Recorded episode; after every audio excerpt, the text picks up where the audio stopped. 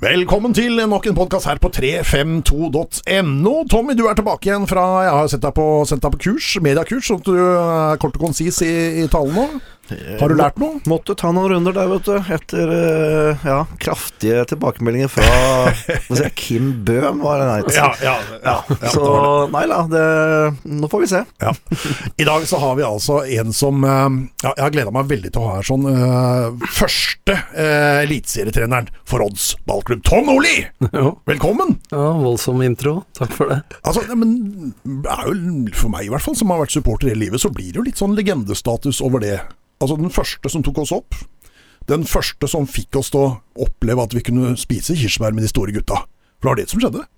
Ja, og det Jeg husker jeg, jeg hadde jo vært trener i ti år når jeg kom hit, men det var liksom ved siden av jobb. Jeg er jo lærer i utgangspunktet. Ja. Og hadde vel hatt Heidenstrøm eh, sammen med Kjernås i Bærum. Det var vel han som kjente til meg, og hvordan de fikk tak i meg. Men hadde gjort det ålreit med Strømmen og Skjetten og, og Lørenskog og sånn. Men eh, jeg husker jeg kom hit, og så blei vist rundt av Ivar Holand og kompani, og blei vist masse pokaler i klubbhuset der. Og de skrøt at de var flest cupmesterskap og, og alt mulig, da. Men alle var jo før 1931. og koden på kopimaskin var 1931. Ja. Så sa jeg her er sjela i klubben, men samtidig den største begrensninga til nye prestasjoner. Så jeg ville bytte ko- kode på kopimaskin, og så tenke framover. Ja. Og så hadde jo Lars Borgar begynt så vidt, og halvåret før, tror jeg, med sånn som jeg tenkte fotball. Da, litt eh, Altså, jeg er ikke så opphengt i formasjon, men 4-3-3, fremoverretta fotball, medløpsfotball osv. Så, videre, så Og jeg var jo vært trener i ti år, men fersk på, på Jeg hadde vært assistent for Joar Hoff, Vidar Davidsen på førstedivisjonsnivå, Bærum, Strømmen osv., men og vært mye hovedtrener, så jeg var jo egentlig rutinert, men ung da, og fersk på det nivået.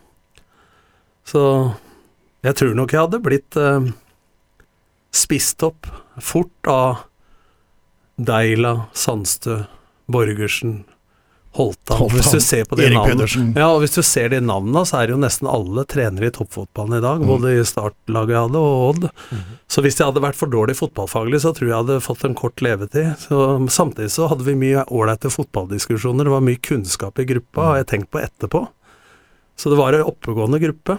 Så når vi fikk satt dette i system, så, så rykka vi opp på første forsøket, og slo jo Rosenborg tre dager før Champions League her, 2-0 i en treningskamp med Trond Solli, husker jeg. Og det Og meste var jo bra. debuten til Jørn Marius Terkelsen.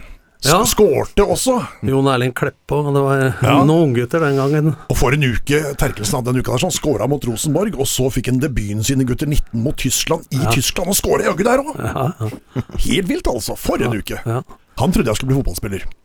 ja, det trodde jeg òg, men eh, det er jo mange årsaker eh, sikkert til at eh, noen når fram, og noen er treningstalenter, og noen er naturtalenter, og en blanding er vel det beste, kanskje. Ja.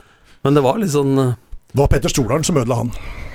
Så han er jo under armen til Petter Stordalen øh, og har vært det siden. Han, ja, det visste ikke. Nei, så han har, det er jo Petter som penga som har ødelagt den. Nei, altså det var jo en eh, sesong som Vi tapte vel ikke første kampen Hadde vi ett tap mot Raufa, jeg er ikke sikker, men eh, to av de tre tapene vi hadde, var i hvert fall etter vi hadde opprykket var klart. Ja. Så det var jo en sesong som eh, gikk eh, veldig bra. Og så var det jo ikke så mye bytter heller, vet du, før 99 og Tippeligaen som det het da.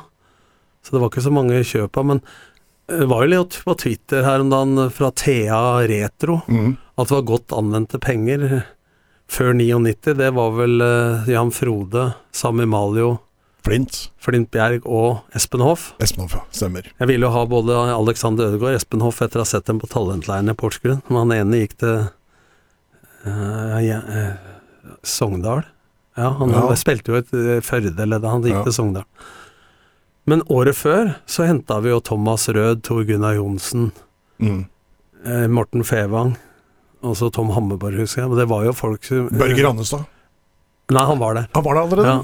Og det var jo folk, eh, spillere som ikke folk hadde hørt så mye om, Mm. men som jeg visste på en måte fra Ja, egentlig folk som spillere som andre ikke, ikke ville ha. Ja, noen av dem var jo rollespillere, sånn som Fevang, som jeg kjente fra møtet med Skjetten og Lørenskog og sånn, som jeg visste ville passe som indreløper. Og den gangen, før han var klaget på byen, så var han jo kondisjonssterk òg. Han hadde jo det meste. Hei, Morten. Og så ja, Deila var vel med, han òg, tror jeg. Eh, Nei, så, så det var sånn. Men Tor Gunnar Johnsen var jo en som hadde vært i Molde, Kongsvinger og Rosenborg. Samme var det jo med Alex Valencia i start. Det var jo spillere som de kasta etter. Og jeg tror vi omtrent fikk penger for å ta Thomas Rød fra Dag Vidar. Kristoffersen i, Ja. i Godset. Mm. Men jeg hadde liksom Det viser bare Se på Bodø-Glimt i dag, du ser på Odd i dag. Altså samhandling over, eh, og kontinuitet framfor rullering som Molde driver med. Altså det slår nesten individuell ferdighet da, eh, på, over tid. Så vi visste at det ville passe. Og Jeg husker spesielt Sami Malio. Jeg var i Finland. Det var ikke mange reiser jeg var på, men jeg var og så Finland A mot Finland U. Og hvis du har sett finsk fotball på den tida, så var det to på tvers og fire bakover. Og de gikk, og så sa jeg til han, jeg husker ikke hvilken agent som var med, så sa jeg men jeg vil ha en spissen der jeg, isteden. Og du mener Mika Forskjell? Han har solgt til Chelsea. Okay, ja. ja. og så fikk vi sammen med Malo, så sa jo Styr du må jo hente han, har spilt 50 landskamper sammen med uh, Jari Littmann. Så jeg henter han ikke, for jeg har sett den på trening. Så jeg var så nøye den gangen altså, på at det skulle passe inn i måten vi skulle spille på. For det er jo som jeg har sagt 100 ganger, altså hvis dassen din ryker, så ringer du ikke snekkeren. Da ringer du rørleggeren. Ja. Så det er nok av folk som har hentet en masse gode spillere. Fire til samme plassen, og så må du gjøre omskolere dem. Så, så jeg tror vi traff Det har for så vidt gjort i hele karrieren, treffer mye på For du har vært i klubb vet du, med lite økonomi, så du, jeg pleide å si at du må hente Når jeg var på tivoli med fattern på Liseberg i gamle dager, så hadde vi ikke så mye penger, så jeg måtte gå der og stå ei krone, vinst varje gang. ikke den største bamsen, og så måtte du gjøre hai av de gullfiska der. Ja, men, for det, for, ja, men det er et spørsmål, fordi at eh, det er ikke tvil om at som trener, da, så er dette et viktig område. Ja. Uh, spilllogistikken og det å Man vil jo treffe hver gang, men man gjør ikke det. Men vil du si at du gjennom din trenerkarriere så langt har vært dyktig på det? Har det vært en eh, Ja, det, det pluss også være klar og tydelig pedagogisk på feltet om åssen du vil ha det, tror jeg har vært, øh, med sin kampledelse, vært de tre på en måte stolbeina som har gjort at det fjerde ikke har brekt. Eh, så, så jeg føler at det riktig som du sier, at det har vi treffet på. Men når det er sagt, da, ikke noe forkleinelse for klubber som Odd og Start og sånne ting. Men det er lettere å spille, hente spillere til sånne klubber. For med en gang du kommer til Lillestrøm den gangen, eh, som det var veldig mye Per Berg og penger og sånn, så forventer ledelsen og supporter at du skal hente på en annen hylle. Og nummer én, du skal fornorske laget, som var min bestilling, eller dems bestilling til meg. Da er det dyrere. Og de utlendinga som du vil ha, eh, vil ikke spille her den gangen. Så, så på en måte så var det lettere å hente ubeskrevne blad som du visste hadde ferdigheter. Og da hadde du råd til å bomme på en eller to, for det var ikke noe dyrt allikevel. Så sånn sett var det lettere å hente spillere til Start og Odd enn det var til Lillestrøm på den tida. Da. For, for en Kjetil Osvold, Tom Sundby og eh, så, Lars Bohinen og sånne ting, de vokser ikke på trær. Altså, de, de skal du leite etter. Ja, og, men vi henta jo i Lillestrøm den gangen Simen Bredde med det måtte betale 4,5 million for, ikke sant. Og når han gikk videre til Odd, som var for Fagmo, han henta jo de fleste som jeg hadde trent i samme systemet først, Ja, ja. før på den tida. Det var vel åtte år på rad eller noe sånt, noe som Fagmo henta én i året fra Lillestrøm. Ja, og det var jo på en måte spillere som kjente rollene, og så når de da Nå sier folk han ikke slo til i Lillestrøm, han blei jo landslagsspiller i Lillestrøm med Simen Brenner tross alt, men plutselig så Det som kosta 4,5 millioner vet du, i 2007, det kosta under én i 2011. Jeg veit ikke om det var da den overgangen var, men på en måte det blei jo en helt annen økonomi etter 2010 i norsk fotball. Det var jo Ja, det vi hadde, Odd hadde jo 7000-8000 tilskuere den gangen allerede allerede når jeg var der. I start så hadde vi 10.080 i Eliteserien og 8008 i Obos, eller Adecco som det het. Mm. Og på Lillesund hadde vi 9318 i snitt. Nå er det det en gang i året mot Vålerenga, Ja, ja. eller var da, nå Ja. var det Eliteserien. Så det er klart at det, det var annerledes, men jeg tror helt sikkert at uh, spillelogistikk lokalt og nasjonalt og Norden, eh, det må man ha kontroll på. Så må man ha hjelp eh, til det utafor der. Mm. Og det Telemarksmodellen har vært fin her, men det var jo en stund jeg trodde Bentley var fra Bø. Eh, følg med på denne her, eh, Tom. Altså, det er jo sånn at eh, jeg sitter jo med den kompetansen jeg gjør. eh, li- selvfølgelig faglig, men også mye erfaring. Ja. Men én ting er jo å hente spillere som man da vurderer og gjør etter en ja, etter noen punkter Ja. som disse spillerne mm, ja, de, må, de må ha dette i bånn. Ja, uh, men så er det noe med det her eh, Når Bodø-Glimt henter spillere uh, i den flyten de er nå, den fotballen de spiller, så virker det som at det, bare, det er bare å hente en, på en måte, og så bare bang, og så er han inne. Og så er han plutselig veldig god, og så har du økt verdien så og så mye. Hvordan ser du på sammenhengen mellom eh, det å hente spillere som eh, Selvfølgelig, litt ledende igjen. Det flyter bra med spillet, og det er godt organisert, og rollene alt sammen. Og så kladrer det for andre klubber, som gjør at den plutselig blir borte. Dette Og blir på en måte sett på som et feilkjøp. kjempespørsmål, og dette har vært min kjepphest bestandig. Og du kan spole tilbake til Rosenborg i gamle dager, som hadde en Trond Egil Soltvedt eh, som Coventry ville kjøpe. De henta en Runar Berg fra Bodø-Glimt. Latt den få fem minutter, ti minutter, en omgang osv. Og så var det en ting som jeg snakka mye med Eggen om. Eh, De kalte det for skjult læring. Når spillestilen er satt i en klubb, og du veit hvordan du spiller, så blir det jo mindre dyrt å hente spillere. For jeg har tatt over klubber som har spilt helt annerledes, og må bytte ut halve stallen. Mm. Eh, og når han dro, da, så var det ingen som savna han, for da var Runar Berg klar. Når du ser når Bodø-Glimt eh, henter Laoni fra Elverum For eh, alle Skeid-kamper jeg har hatt, så har jeg sett Bodø-Glimt-speidere der. Så henter de Laoni fra Elverum i andre divisjon, og så spiller han. Og så driver Jens Petter Hauga eh, indreløper. Og i dag Da har jeg fikk jeg knapt innhopp. Nei, og i dag så sitter han på fly til Milan. Ja. Eh, til Milano heter det byen, men ja, klubben. Eh, Så, så det er helt riktig det du sier. Og de henter Sondre Bustad Fet, som var reserve i Ålesund. Og da ser du det at dem driter i hva folk heter, dem ser på ferdigheter i forhold til det. Og når jeg Avhengig av mye penger du har, men jeg prøver å se etter spillere. Én, har du rolleferdigheter i forhold til plassen du skal ha på laget? Eh, To, hvilken fotballkulturell bakgrunn har du av skadehistorikk? Tre, hvilken sosialkompetanse har du? Er den innadvendte, utadvendte? Hva mangler vi i garderoben? Du skal ikke undervurdere det miljøet. Men så er det to punkter jeg har lagt til i de siste åra. Tar du læring, Mm. og er du trenbar?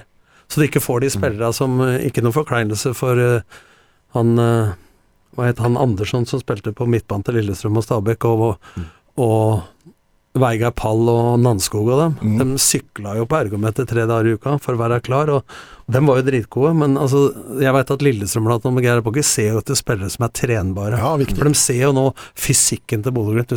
Det laget trener knallhardt. Fagermo var nå og hos Bielsa, så når han er på hytta i Vrådal, som han liker, så hadde jo laget fri før. Mm. Nå har de jo svært eh, støtteapparat, så nå trener de. Og så har de begynt med mye mer 11 mot 11. Men så sa jeg til Fagermo dette har jeg jo sagt til deg siden 99, men du måtte til Leeds for å, for å finne ut 20 år etterpå. For å fleipe litt, da. Men det er er faktisk litt av filosofien som sa at Nordli blir gammeldags. Den er plutselig holdt igjen. Akkurat som slengbukser snart er på vei inn igjen. Så de punktene her som du sier, Tommy, pluss det derre spillelogistikken og tenke roller. Og så bytter de trener, så spiller de på en helt annen måte, så må du bytte ut halve stallen. Da blir det dyrt å drive fotballklubb. Og det er noe av grunnen til at Bodø-Glimt og Odd, som er litt mindre klubber, men nå er jo Odd blitt, hvis du ser budsjettmessig på sport, en stor klubb allikevel. Topp seks i Norge. Ja, men, men allikevel da, så er det noe av grunnen til at de kan hevde seg mot uh, Brann og andre, da, uh, som før har bytta filosofi mye. Nå har de hatt Lars Arne i mange år og tatt Kåre som skal bringe det videre, men det der tror jeg er noe av nøkkelen, og det krever sportslig kompetanse hos trenere, sportslige ledere, og at ledelsen latt sport få styre sport. For det er altfor mange rørleggere og bankfolk som driver og tar sportslige avgjørelser. Mm. Ja.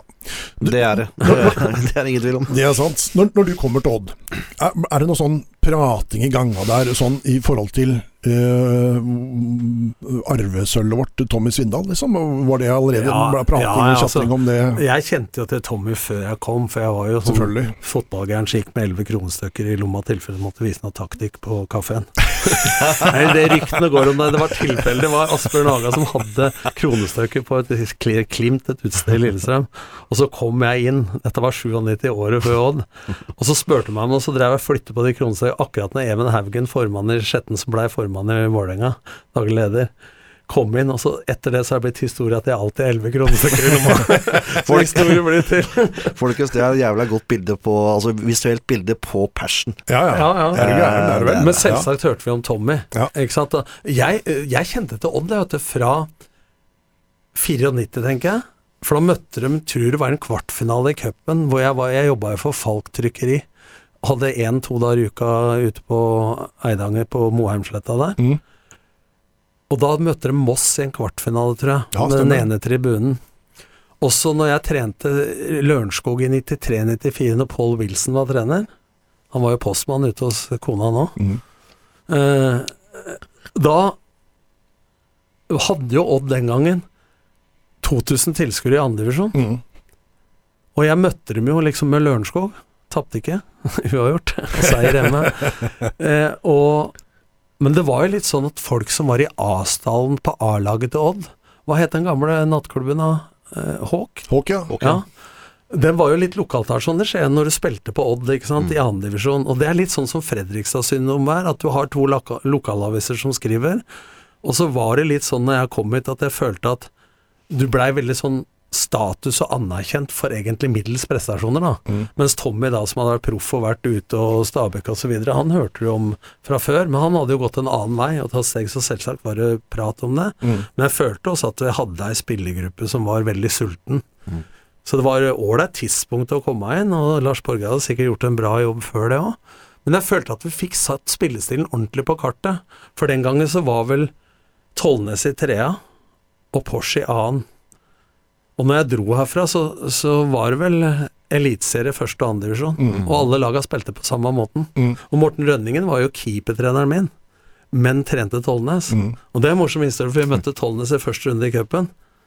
Og på en sånn derre Geir Bakke og jeg fant på en corner en gang i 90-91. Den der hvor du gikk ut og bare tråkka på ballen, ja, ja. vet. Bare- Og sa 'ta den, du', da. Ja. Og den hadde jeg lært bort, vet du. Ja, ruller en og gang. den, ja, så- den gang måtte ja. rulle en gang. Ja. Og den skårte Tollnes og Morten Romsdalen mot Odd, og vi lå under 1-0 til 76. minutt i første runde i cupen. Og Rønningen og treneren og lurte hovedtreneren sin i Odd, men vi vant 2-1 til slutt, tror jeg. Så det er så mange historier som ikke har kommet Ja, det er dyrelig, det der, altså. Så, så, Det var, det var luring, altså. Ja, Men, eh, det trekket der. ja, det gjorde dere i Stabæk, husker jeg. Ja, vi også gjorde det en Ja, gang. Så, men ja, Men en gang. Du, Ja, du kan bare altså, gjøre én gang, det, nå måtte det gå en stund mellom uh, neste gang. På en Ja. måte, hvis ikke så altså, Dette blei jo fort uh, fanga opp. Altså, det, det må vi passe på. Men en annen ting, òg, vi var jo det første laget på det nivå. Vi lå igjen med tre stykker på motstanderens corner. Ja. Med Odd. Og det tok et halvt år før folk skjønte at de skulle ta kort corner.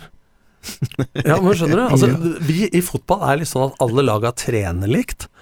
De varmer opp likt. Alle spurter til slutt, selv om det lønner seg å ha på midten, rent fysiologisk. Mm. Vi gjør så mye sånn av gammel vane eller uvane.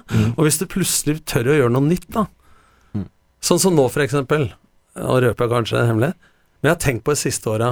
Når vi slapp inn mål med Skeid i fjor og rykka ned for at eh, keeperen til Ulsis har skjøt mål fra 35 meter skrått, og så har keeperen mur. Tenker jeg, hvis du driter i mur fra 28 meter og inn, Mm. eller setter tre mur når det ikke er lov å stå inntil nå, Ja. tre mur på hver side hvis frisparket er sentralt, så kan keeperen stå i midten, så har han tre meter til hver side. Ja, Ja, men sånne ting Jo, altså, Vi tørte litt sånne ting den gangen. kult. Og en annen kul ting var jo at det er mulig jeg hopper nå, men debuten i Eliteserien Stavanger stadion, gamle Stavanger stadion borte. Midt i byen, omtrent. Ja, og Anders Rambekk, da, som var rett fra Pors, skulle spille venstrebekk mot Gunnar Aase. Og det var jo 9000-10 000 da, full, eh, og alle hadde sagt til meg på trenerseminar uka før du må ikke presse høyt og alt sånn, da. Og jeg tenkte faen heller. Men, men så gjorde vi det som er i Bayer Leverkosen, et eller annet tysk lag nå, som driver litt sånn gegenpress, høytpress, men pressfeller. Så spilte de med en islending jeg ikke husker navnet til, som hadde demper hardere enn jeg skyter. Strøm i beina. Og så hadde de han Solberg, eller hva han het, han, en østfolding som var jævla god med ballen. Thomas Solberg Ja, eller et eller annet. Solberg, ja. Så hadde de Lars Gaute Bø i mål, så sa alle du må ta ut han Solberg. Mm. Ja, men jeg, de spiller jo ikke ballen til han derre keitete fra Island. så Frode Johnsen tok ut han keitete, og Thomas Rød og Tor Gunnar tok ut hver sin bekk. Pereira og en til. Mm. Og så da kasta jo Lars Gaute ballen til Solberg. Og da var oppgaven til Frode å presse han maksimalt. Så han slo to feilpresninger på Vi leda 2-0 etter sju minutter, vi, på det, og så fikk vi straffe som Thomas Rød bomma på i tillegg. Men, men det var helt nytt å tenke sånn Ja. da, skjønner du det? Ja. Og det måtte du gjøre fordi at du hadde egentlig et underdog-lag. Mm.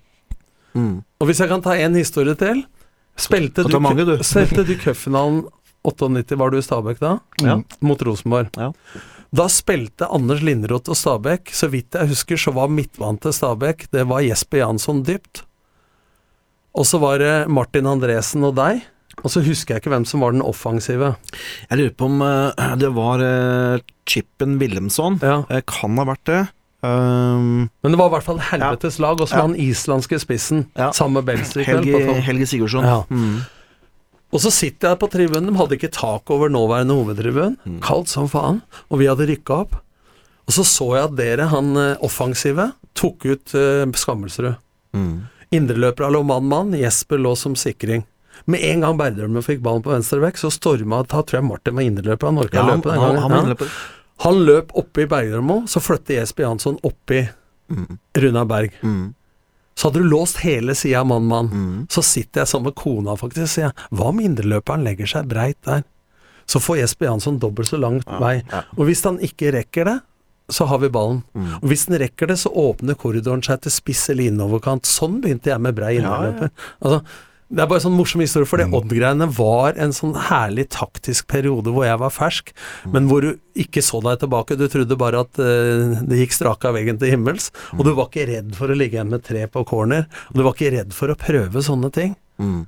Og Men det, var jo, ja. det, var jo, det, det blir jo veldig dybden, men samtidig så er det litt morsomt å kanskje av og til også diskutere de her helt spesifikke tinga. Mm. Men, men uh, da spør jeg egentlig sånn Jeg husker jo at Odd var flinke til å både bruke innløperne sentralt i banen, litt, Ja, litt ja. på sidene, liksom, men også helt breit, ja. som du sier. Men Og da blir det jo hvis, hvis, og, og det er vanskelig å stoppe. Og det er fryktelig vanskelig å stoppe. Det, men var du litt den som starta litt Ja, det var Det det. det, var.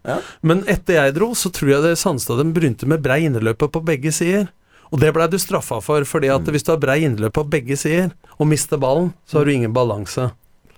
Og jeg hadde kun brei indreløper når vi hadde ballen i backrekka Mm. i første vending. Mm. Men når vi vendte spillet, så fløy ikke motsatt indreløper ut breit, for da lå jo bekken i indreløperposisjon. Nettopp. Så, så det, men det er bare sånn, dette blir kanskje litt fotballfaglig for eh, den Deilig. eh, men. Men, men jeg mener at det som er kult, jeg blir litt entusiastisk rundt det, at det, det var så Første jobben min, første gangen Odd i Eliteserien, og det var så gøy rundt det greiene, og gruppa var så interessert. Og så vant vi de tre første kampene i 99. Vi slo Viking borte 2-1 i serieåpninga. Og Arne Sandstø skal jo ha kred for det, for alle var dritnervøse. Og da kom Sandstø naken ut fra dass med bare leggskinn og skruknotter og kjørte helikopter. Og sa gutter, slapp av, dette kommer til å gå bra. Fryk, frykten forsvant. Ja, ja, men det skal ikke mer til. Og da hadde jo holdt an av gutta, og deilig holdt på å lese her, ikke sant. Og det blei liksom en annen stemning. Og så slo vi Skeid i andre runde, og så i tredje runde med Tommy. Så lå vi under 2-0 mot Stabæk, og dere skjøt én eller to ganger i stanga. Ja, det var helt vill Og så snudde vi til 3-2. Det stemmer. Mm, Fevang. Men det morsomme da, for da var dette var en lørdagskamp, tror jeg, Mm. og så satt jeg i fotballekstrastudio dagen etter. og så ble så var det reporter eh, Erik Foss, da, han rep, eh, var reporter på Falkum. Mm. Ja, er det stemning på Falkum? ropte Ernst Lersven. Det er noen ganger det er bedre å holde kjeft enn å åpne kjeften og fjerne alt til. Og Erik Foss melder Ja, nå tar Ibsen av med musikken sin. Med musikken Han sin, trodde ja. han var musiker. er ikke det at jeg er inne i litteraturen så mye med ett dukkehjem og sånn, gutta, men, Med men, men musikken sin.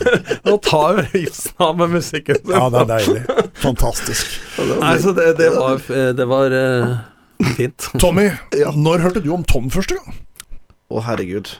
Nå blir det sånn spørsmål om eh, med min husk og sånn, da. Men altså, det jeg kan si generelt, da, det er at Tom Nordli har jo vært uh, i bildet i herrens år. Uh, så, så lenge jeg kan Eller så lenge jeg har levd eh, og begynt å Ja, på litt mer, mer voksne liv, da. Så, så sånn på, sånn på 80-tallet, uh, når jeg var 15-16 år, så så begynte jo liksom mitt fotballiv å, å begynne å få, både forstå, huske og se hvem er hvem, og så videre. Men altså, Tom, Tom har jo et eh, navn, og han har jo hatt en fantastisk trenerkarriere så langt. Nå skal jeg spørre litt etterpå, men liksom litt sånn veien videre, for jeg er litt nysgjerrig. Men, Mm. men, eh, men Tom har jo, har jeg alltid hørt om. Ja. Jeg hadde ikke hørt om deg før 98. Før Odd. Nei, altså jeg, For jeg begynte jo trenerkarriere i 88. Og da søkte jeg jobb gjennom Romerikes Blad, for en kompis av meg som trente laget. Og jeg var hardere da, tror jeg, enn jeg er nå. For da, det, når du er ung, vet du, da er det én vei til Rom, og det er min vei. My way or no way.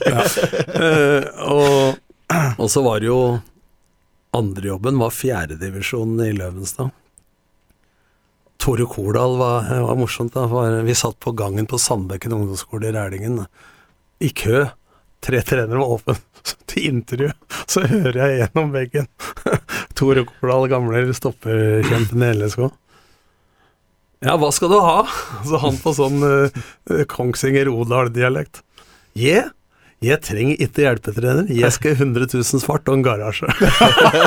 så skal jeg inn etter han, altså. Jeg visste hvor lista skulle, lista skulle ligge. Men det er det eneste året jeg har vært lavere enn andredivisjon. Ja. Det var fjerdedivisjon med, med Løvenstad, og der spilte en eh, Terje Lindberg som LSK ville ha, altså rett fra fjerdedivisjon. Men han dessverre sleit lite grann. og han var, Jeg vet ikke om du husker han? Terje, Nei, han var kaptein på guttelandslaget og solgte skoa sine for å få noe å drikke på Oh, i Finland. såpass, ja. Han, han sa nå, Erland Johnsen, var er reserve for meg, nå er han kaptein i Bayern. Jeg er bud på operaen, sa Terje Lindberg. og spilte i Løvenstad. og så gikk jo veien av Joar Hoff, som dessverre er døende, og broren til Ivar. Jeg var jo hjelpetrener for han i Strømmen allerede i 1990, Mm. i førstedivisjon, nåværende Obos. Så gikk Joar, og så kom Vidar Davidsen, og så var vi med han et år. Og så var Bærum rykka opp i førstedivisjon med Lars Kjernås, og så var vi delt ansvar som trenere i Bærum i 92. ble nummer sju i, i førstedivisjon. Bodø-Glimt rykka opp da med Trond Sollid og Harald Brattbakk og Ivar Morten Norvaka. Og så dro, og fikk jo han tidenes tilbud fra Stabæk, som var mye lavere enn Bærum den gangen, og Ingebrigt. Så dro han, og så dro jeg til eh, Ja, dette er to, Da dro jeg til Lørenskog. Så var jeg hovedtrener i Lørenskog i 93-94 med annen- og tredjeplass. Holdt på å rykke opp i første som begge åra. Så var jeg Strømmen i 95-96. Eh, I andredivisjon som hovedtrener og slo ut Vålerenga i cupen, husker jeg. Med Vidar Davidsen. og så var jeg Skjetten i 97, der skulle jeg heltidsansettes. eh, For der drev de med telefonkataloger og sånn i gamle dager. For Ja. som er så Ja, ja. gamle at de har hørt om telefonkiosk og telefonkatalog. Men så ringte jo Odd, da. Mm. Så altså, det var jo liksom ti år før det, da. ja, så Odd ringte deg? Ja, ja. Altså jeg visste ikke Jeg, jeg hadde jo møtt Odd med Lørenskog og sånn, og visste om Odd, men jeg hadde aldri tenkt at jeg skulle hit. Nei. Hvordan var prosessen der? Ansettelsesprosessen og samtalene og den biten der? Altså jeg husker ikke hvem som ringte meg heller, skjønner du. Det var en eller annen Ole Bjørn som drev et helsestudio, og så var Ivar Holand og Steinar Torstensen, det var kontoret, og så var det han eh, Faren til han Bård eh, Nilsen. Ja. Mm. Så var det inn, eh, kjørte jeg til Skien, jeg tror jeg leide meg over Siljan for første gang. Jeg trodde jeg skulle til Finnmarksvidda. første gang du kjører der, det er langt, altså. Det skjønner jeg godt. Og den veien kan jeg kjøre blinde nå. Ja, ja. Nei, og så Og så var det et intervju, og jeg husker ikke så mye mer enn det enn at, eh, at jeg blei ansatt. Og det er jo skremmende å tenke på. Jeg blei jo sikkert lurt, for lønna mi som trener i første var 360 000. 360 papp. Ja, 360 000 i Ja. 98. Ja. Og så Eh, husker jeg vi, ja, vi gikk vel opp til det dobbelte, tror jeg. 600 i, i Eliteserien. Mm. Så men, men når du kommer dit, da, hadde du noen betenkeligheter, eller var det, eller var det bare 'yes, dette går jeg for'? Nei, altså, jeg var jo altså jeg, når jeg var ung, så trodde jeg én at alle tenkte sånn som meg. Det var feil. Og at alle ville meg vel. Det var også feil i denne bransjen.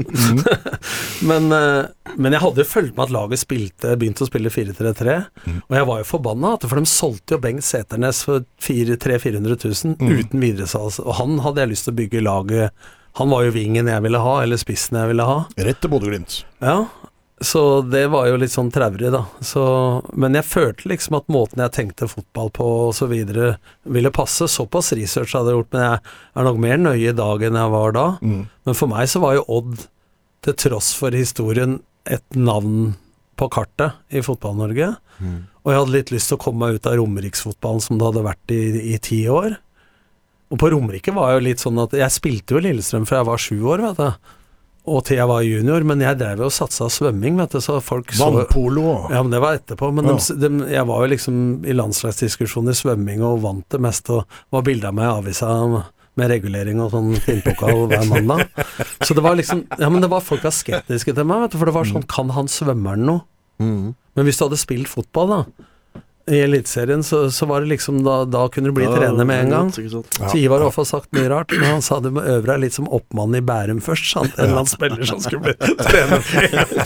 Nei, men altså, og jeg tror det som Steinar Pedersen, Ronny Deila, Solbakken, flere har gjort, at de var litt trenere i hodet og trente lag i, klubben eller eh, i lavere divisjoner, som Ronny gjorde i Birkebein og sånn, at det var litt lurt mens de var spillere. For det er mange som har sagt til meg at når jeg begynte å bli trener, så tenkte jeg helt annerledes enn når jeg var spiller, for jeg tenkte på helheten Ja. og på laget. Mm. Så det, Ronny var jo tidlig på det. Han hadde jo Team Ja. Porsgrunn også, sånn, sånn juniorsatsing som var Men det sånn- var jo sånn- treneren, vet du. Frode Ja. Johnsen hadde en liten sånn trenerleder i hodet. Arne Sandstø hadde det. Borgersen, Deila, Holtan. Alle disse det er jo med i dag. Ikke sant? Så, så det var nok bra for min utvikling, for jeg hadde utrolig mye i den der gamle kloakkbrakka på Falkum. Så hadde vi mye gode fotballdiskusjoner. Ja. Jeg husker spesielt én historie. Nå kan jeg si det, Holtan, for jeg lurte dere. Jeg var sånn altså. Nei, jeg, før vi skulle møte Rosenborg, Mm. så la jeg fram tre måter å spille på. Og så var jeg jævla god til å argumentere for den ene, men jeg lot spillerne velge. Og så husker jeg Holtan sa Nordli er så bra trener, for han lot oss spillerne bestemme. Litt sånn elimineringsmetode. Ja. Litt luring. Litt annet tonefall ja, Ja. Men, men Odd, Odd du, du kommer til Odd, og Odd er en klubb som vil opp. Ja. Uh, og setter litt press på deg som trener også, at vi skal opp. For de har vært nære. Altså De har spilt kvalik på kvalik på kvalik. Ja, men det året før jeg kom, så ble det nummer seks ja, eller noe sånt. Helt riktig. Men året før der igjen, 96, så var det jo den eh, kvalikgreia mot Sogndal. Ja, og da var det to puljer, vet du. Ja, Ja, eh, To avdelinger. ja, stemmer. stemmer. Mhm. Men, så, men så, hva slags inngang får du da til, til 98-sesongen, når du får det presset på deg? Altså, Ja, men jeg følte ikke at det var jeg, Det er så rart at jeg var helt uredd. Jeg tenkte ikke på det. Jeg skulle bare inn og gjøre en jobb, jeg. Mm. Og, og var ydmyk i forhold til gruppa, men følte at jeg var fotballfaglig sterk nok og, og gønna på. Jeg tenkte liksom ikke på press eller Det var ikke i mine tanker eh, den gangen. Eh, så, så rulla det på, og jeg følte at vi på den tida, da hvor det nesten ikke var videoanalyse og sånne ting, men at fordi du så mye fotball, kjente mange folk, ringte rundt, at vi var ganske godt forberedt gjennom treninger på eget spill, men at eh, jeg var jo såpass eh, fotballgæren at jeg visste det meste om motstanderen òg, så jeg føler at vi var litt tidlig ute. Men hvis du ser forhold til nå, vet du, det var Knut Nilsen og meg, Mm. og så var det Rønningen som keepertrener. Og så kommer han Kaspersen inn, og Geir Amundsen året etter.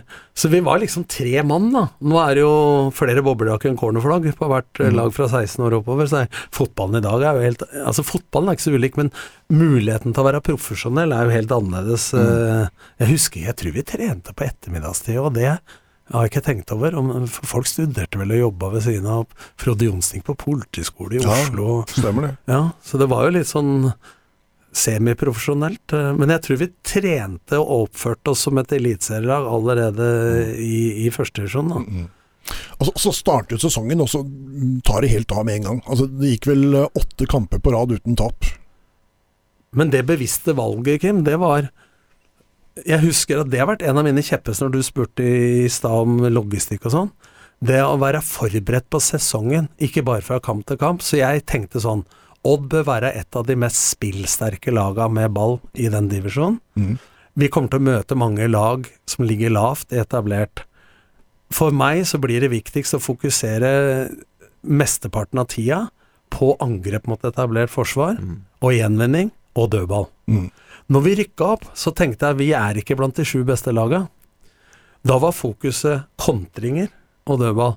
Men så slår vi da Stabæk på Nadderud, Lillestrøm på Åråsen, Viking i Stavanger, Rosenborg på Lerkendal. Men når du skulle føre kamper som de var god til året før, som du ikke hadde trent så mye på, så tapte du mot Skeid og Kongsvinger. Mm. Det er bare, bare for å vise Og faktisk i 99 Hadde du tatt en tabell som Pekka skrev den gangen i Thea, mellom de sju øverste lagene, det var 14 lag den gangen, så hadde vi blitt seriemester og Rosenborg nummer sju. Ja. Men Rosenborg vant tok 42 av 42 mulige poeng mot de sju laveste. Ja, ja. For den som tror at kampen mot andre topplag er viktigst. Så, så, så det, men det angrer jo nå på at det ikke blei lengre tid. Men hadde du fått jobba lenger, og kunne, som vi greide i start egentlig, å både være god på hele spekteret. Mm. Offensivt, defensivt, gjenvinning. Ikke bare eneåret kontringer og dødball, andreåret angrep mot etablert Mm. og dødball. Så jeg følte liksom at det, Men det var jo et viktig fokus, for så vidt. Ja, jeg føler at, det var litt, at det var litt sånn forut for vår tid ja. i tankegangen da. Ja, da. Nå har vi analysefolk i huet og ræva. Men det er viktig Ja. um, ting å tenke over som trener. At man klarer å se for seg da litt, litt der framme hvordan kan denne sesongen møtes. Ja, og så altså er det to måter å snakke om en motstander på. Det ene er jo å legge opp alt i forhold til motstanderen. Det andre er jo også hvor er motstanderens svakheter, hvordan skal vi utnytte det? Eh, Hvor er motstanderens styrker, hvordan skal vi opptre defensivt for å ødelegge dem spill for at vi skal få best mulig angrep? Det er jo måten du selger inn det på, istedenfor at eh, vi må ikke gjøre det, vi må ikke gjøre det, pass på det, pass på det. Da får du Du må være offensiv i tankegangen din i det defensive spillet, da. Ja. Ja. Uh, ja. Helt vill 98-sesong, egentlig. Altså, og spesielt vårsesongen var jo helt sjuk. Altså, du hadde jo nesten rykka opp til sommeren når du tok sommerferie. Eh, det var, sånn I teorien så, så gikk det selvfølgelig an å ta oss igjen, men praksis så var det nesten klart. Ja. Eh, hvordan var stemninga i, på kontorene, i garderoben, på feltet? Eh, Ja, men det- var bra stemning, men jeg var jo såpass ærgjerrig og punch at jeg tenkte bare utvikling. Så det styret ville jo også at uh, Torjus ikke skulle spille siden det rykker sikkert opp. Og jeg var ikke der i hele tatt. Nei. For på Og- sommeren da, når, når vi nesten har rykka opp, så får bestemme Torjus seg for at jeg blir bossmann, har det bra. Ja, altså jeg så beisa terrassen til Arne Erlandsen, som jeg var litt kompis med, eh, i Lillestrøm, sammen med Halvard Thoresen, som var spillerutvikler. Må hadde med mat og drikke sjøl. Litt gjerrig, da. Mens han sto i telefon, og da henta han jo Torjus mens, uten at han sa noe til meg. Så det var Norges største bossmannsspiller. Så jeg var litt forbanna på han etterpå. Så men- du sto gratis og beisa terrassen, og så henta han en av de beste spillerne dine? Ja. Og da ville jo ikke styret at vi skulle bruke Torjus, men jeg sa vi skal rykke opp, så det kan bare drite i. Det er ikke min skyld at styret ikke har greid å skrive ny kontrakt med Torjus. For det var jo litt sånn i gamle dager at de spillerne du hadde, som var fra byen, trodde de at skrev under uansett, så de var ofte billigere enn de som kom utenfra. Og jeg tror i dagens spilleutviklingsøyemed at det er viktig å ta vare på å skrive kontrakt med spillere før det er tre eller seks måneder igjen, så kanskje også Odd får noe igjen for spillere, eh, akkurat som Stabæk har fått. Ja, Ikke sant? for der er Altså, det noe gærent. Men det koster litt penger. Men du, du må levere lottokupong for å vinne òg. Eller du må satse på en aksje, på en måte. Mm. Men, men gå litt tilbake på det du sa der sånn. Du fikk beskjed av styret Ja, men det på å ikke bruke spiller. Ja, men det er jo et Altså, det var jo kortere kommandolinjer den gangen. Det var jo følelser inn i bildet. Faen, nå går Torjus, han kan du ikke bruke, liksom. Det var ikke noe vedtak, men det var liksom sånn Men styret skal vel for fankeren ikke blande seg i det Ja, men det gjør de jo overalt selv den dag i dag. Ja, det er nok sikkert litt sånn også, men det var litt sånn før, som du sier. Det var litt kortere vei til. Ja, ja. Men, men, altså. men altså, poenget mitt er at det beste formen jeg har hatt noen gang, tror jeg var i, i Skeid. For han sa Han stilte spørsmål, men han sa hvis du vil kjøpe ti venstrebacker og vi har penger til det, så er det opp til deg. Men det er du som er ansvarlig. Mm. For hvis de andre skal være med å bestemme, da, enten det er sportslig leder eller styre, så må de jo være med å ta ansvaret òg. Mm. Selvsagt. For de er flinke til å ta ansvaret. Det er, det er mange, jeg sier ikke Odd spesielt nå, men det er mange fotballklubber jeg, som hele ledelsen er inne og sier i dag vant vi. Mm. Og neste søndag så, så kommer de i garden og sier hva dreiv dere med? Ja, men det er riktig. Det er helt riktig. Det året der sånn, så rykka vi opp ganske tidlig opp. Eh, på en litt bisarr måte, egentlig. Husker du uh, hvordan vi rykka opp? Taper mot Mot Kjelsås. Kjelsås borte, ja, nå husker jeg det. Taper bort mot Kjelsås. Ja, fin historie der òg. Ja, fortell. Stig Mathisen trente vel eh, Kjelsås. Mm. De, dem kom i kvalik. Det morsomme er at i tiende serieomgang, tror jeg det er, i 98, så spiller Sandstø spiss, og Frode Johnsen er inn og ut av laget som mindreløper og sentral midtbane. Tiende mot Kjelsås, ja. Ja, det er mulig. Ja, det er ti- det er tiende serieomgang. Er det det? Ja, det Ja, er. huet mitt virker. Å, gud være det imponerende. Jeg er ikke intelligent, men jeg har god husk. Eh, men så så setter vi Frode opp som spiss, og Arne hadde begynt å bli litt treigere i han, Forskjellen på jogg og spurt når han beit sammen tenna. Så vi, men han var klok, og vi satte den sentralt på midten, og så ropte jeg Vi hadde prøvd å spille ut Kjelsås til treningskamper og alt mulig, og greide det aldri. Så ropte jeg 'nå spiller vi sånn som dem'. Og Stig har jo vært med meg i Skeid et par år nå. Så ropte han 'ikke gjør det, for da taper vi'. og det gjorde de. Og siden var Frode spiss, selv om Eggen hevder at han omskolerte den til spiss i Rosenborg, Ja. så var jo Frode spiss eh, etterpå. Ja. Så, så, så det, det var spøtt, uh, sprøtt. Men når vi kom opp i Kjelsås, var det gress den gangen. Et jævla potetjorde. Og Stig ville jo helst ikke at du skulle klippe plen. Nei. For når, når Øyvind Berre, broren til Morten Berre som var min assistent til Skein, han dempa ballen på brøstet, så spratt den én gang, så klinka han ballen over lysmastene. Så ropte Stig 'for mange touch'. det spilte jo én mot én over hele banen, bare lov å spille framover. Så, så han var ekstrem. Og han sa hvis vi har mindre enn 70 prosent til å score, så skyt utafor, for da blir det femmeter, og får vi ikke kontring imot. Og bruker tid. ja. ja, men det var ærlig, da. For en destruktiv Og han måte var jo på seminar på idrettshøyskolen, så hadde han tolv brikker på banen, så sa jeg det er en for mye. Faen, om nøye du er, altså. så de tapte jo, men når jeg kom opp da på Kjelsås på det potetjordet, så står jeg tar i tverrleggeren, så sier jeg det har jeg aldri fått til før. Så målte vi, så var målet 18 cm for lavt. Så sa jeg fra, så, sånn, så nøye du er da. Og så header vi jo i tverrleggeren i det målet etter fem minutter. Vi taper 2-1 eller noe sånt. Ja, taper du vel. Og rykker opp allikevel. Ja, ja. Men det skjedde vel ikke da, før dagen etter, tror jeg, hvis ikke Nei, det husker jeg ikke, men uh, vi tapte i hvert fall den og Kongsvinger og Raufoss, tror jeg. Det er tre tap vi har. Ålesund. Ålesund, ja. Det er tre tap, og alle er etter vi har rykka opp, tror jeg. Uh, Kjelsås og Ålesund er eh, de som er tapet på slutten. Så hadde du Raufoss midt på sommeren der. Ja, eller, ja, en i annen eller tredje juli eller noe sånt. Stemmer det? ja, 1. juni. Ja. Ni, niende serieomgang. Ja. Eh, min påstand til deg om 98-sesongen er at vi kom altfor kort i NM det året. Ja, jeg husker bare NM 99. Ja. Det var Det er ikke noe rart at du ikke husker det, 98, for det var tre runder, og så rett ut mot Bryne på hjemmebane. Ja, 2-1. ja. Tap. Året etter så trakk jeg for cupen på Ullevål. Det lå to kuler igjen. Brann borte eller Raufoss hjemme. Mm. Det ble Brann borte. Det ble Brann Så borte. tapte vi vel 3-2 eller et Ja, eller annet til 3-2. ekstraomganger. Ja, helt riktig. Eh, veldig tett batalje. Men uh, 98-sesongen så var et av de svakeste NM-åra gjennom tidene for Oddstil, altså. Bryne vet jeg nesten aldri slått dem, jeg, uansett åssen lag jeg du det? Dem pluss jeg har aldri vunnet på Alfheim. Såpass, ja. Ikke én jævla gang. Men det nærmeste var Skeid. Vi fikk straffe mot oss på overtid med Skeid Ja. mot Tromsø 2. Husker du Alfheim med 99 tonn? Om jeg gjør? Ja. Der er kanonhistorie. Vi var ikke på Alfheim, for banen var stengt i mai. Pga. han vant, så vi måtte spille på Tromsdalen kunstgress. Og det var sånn filtteppe som bestemora di har på terrassen, altså. Og det var han derre Rikard Møller Nilsen er død nå, var finsk landslagstrener, så han kom for å se på Sami Malio. Og det var to meter snø, så etter kampen så skulle jeg forte meg, da, så skulle jeg gå over skøytebanen, så plumpa jeg med snø til, så sto landslagssjefen og venta på meg. Men eh, jeg tror vi ligger under 3-4-0 etter kort tid. Ja. Og Arne Sandstø bommer på straffe. Og så var det sånne trehytter, gamle innbytterbenker, og tilskuerne sto helt innpå. Og på tre eller fire Rune Lange skårte, og en som aldri skårer, en eller annen Beck. En kjent Tromsø-legende. Så er det en som banker på taket på innbytterbenken, og jeg titter ut for 4-0, så sier jeg Du Nordli, skal du ha ei kuleramme? Oi, oi, oi. Ja, Men ja, vi tapte så vidt jeg husker. Vi vant de tre første, så tror jeg ikke det er på rad, men vi tapte mot Lillestrøm, Moss, Målinga Ja, vi tapte 1-0, 2-0, 3-0, 4-0 og 5-0 i fem tap før vi snudde det.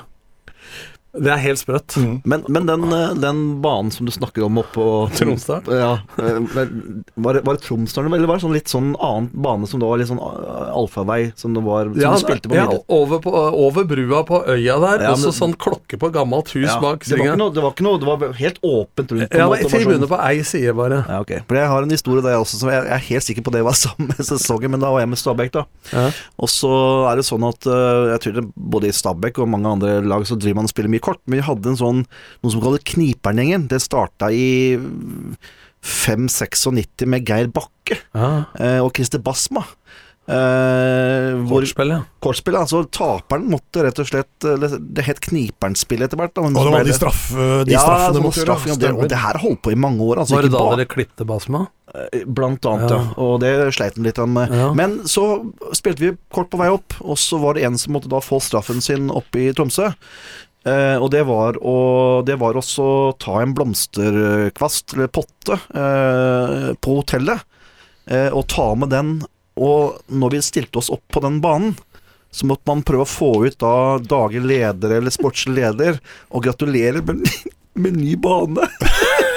Ja, men Geir Bakke var jo Og det, og det gjorde at altså Petter Belsvik som kaptein den gangen måtte pent steppe ut og liksom be rope Men det var ingen nåde på den tida med straff, altså, for dette gjorde de i Kongsvinger i 92, og Geir Bakke innførte det derre Da var det Bondebridge-greiene. ja. Og da måtte taperen stå i rundkjøringa på Kongsvinger med grønn parykk på ett bein og rope 'det er så gøy å tape'. Ja, nettopp. og det var det som ble Det, ble, det, var det som ble kniperlengen i Stabæk. Ja. Fordi at det, da, var det Jeg husker ikke hvem det var som måtte det, men jeg lurer på om det faktisk var Christer. Han måtte altså stille seg opp i et hjørne, så måtte han få en sånn eh, En colaflaske eh, opp i Ja. fua bak, og knipe igjen. Og rope 'jeg er så glad i å tape'. ja, Ja, ikke sant. helt- Og så ble det kniperlengen. Det var en artig historie. Litt utafor manus, men Ja, litt. Eh, bit, bitte litt. Bitte litt. Uh, 98, det jeg husker kanskje aller, aller best, er hvor fantastisk gode vi var hjemme på Falkum. Jeg tror vi slapp inn fire mål på Falkum i løpet av den sesongen. Helt enorm på hjemmebane. vi altså. vant vel 5-0 eller sånn mot Ålesund, og med Jon Arne Riise på banen. Ja, det var Men, helt men vi møtte Eik borte, med Lasse-Jørn Fredriksen. Og Rune Tribune, vet du. Det er en kul historie. For når jeg jobba for VGTV for Norge-Danmark, med Hareide som trener i den viktige kvalikkampen, så hadde vi sånn sending fra Nyhavn der. Og intervjua Spetalen og masse folk som kom. Det var Hele Norge var jo der. Så kommer Rune tribunen og skeiv som et øh, bombefly. Og så, så, så roper han helt sånn internt Husker du Eik i 98? Det var liksom vi snudde tap til seier, og vi lå under der. Og det var liksom så internt. Altså, han Jamel Rake og han Øyvind Brenne Weger ler av det ennå. Husker du Eik i 98? Det var akkurat som hele Norge skulle huske det. jeg var direkte på VG. Nydelig. Helt nydelig. Altså. Det er fantastisk. Nei, altså, vi, vi var jo bra, spesielt, men vi var jo bra egentlig hele tida.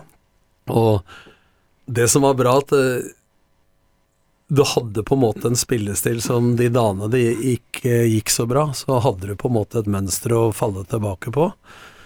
Men det som var moro, var jo at det lykkes i Eliteserien nå med å hente få spillere. Og, og på en måte beholde de fleste. Mm. Den gangen var jo Alexander Aas ung og fersk som høyrebekk, ikke sant, med dødelig innkast. Mm. Når du ser i ettertid, vet du, Holtan, Aas, Deila Borgersen, Torsan Sen, som ble bytta ut med Rambekk, så Nordnes inn for Borgersen. Så var det jo Sandsted, da.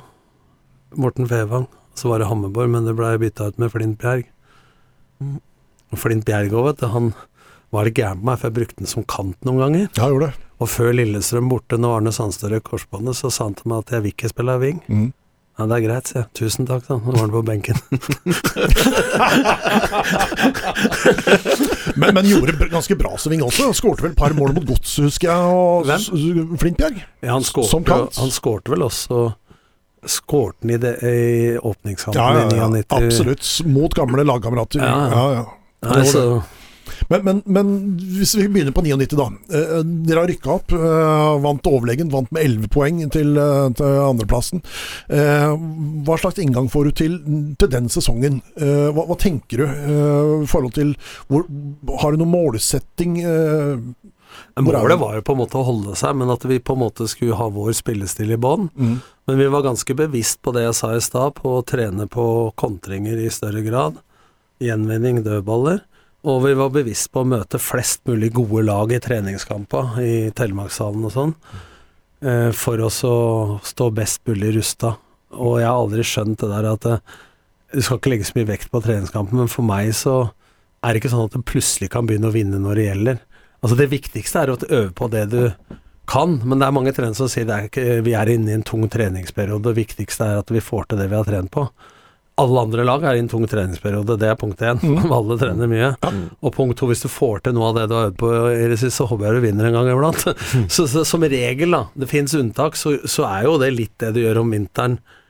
Noe du kan dra med deg. Spesielt for et nyopprykka lag, så var jeg opptatt av å skape selvtillit mot gode lag gjennom vinteren. Det husker jeg, og det har jeg gjort flere ganger òg. Vært med Start også, hvor vi raderte ut alle lag om vinteren og dro det med oss og leda med sju poeng til ferien. Mm. Så om det er riktig, vet ikke jeg, men vi har lykkes med det, eller jeg har lykkes med det flere steder jeg har vært, og det har vært en bevisst strategi. Så kan du se sånn Lillestrøm har gjort det, og møtt mye eliteserielag når de skal spille i Obos.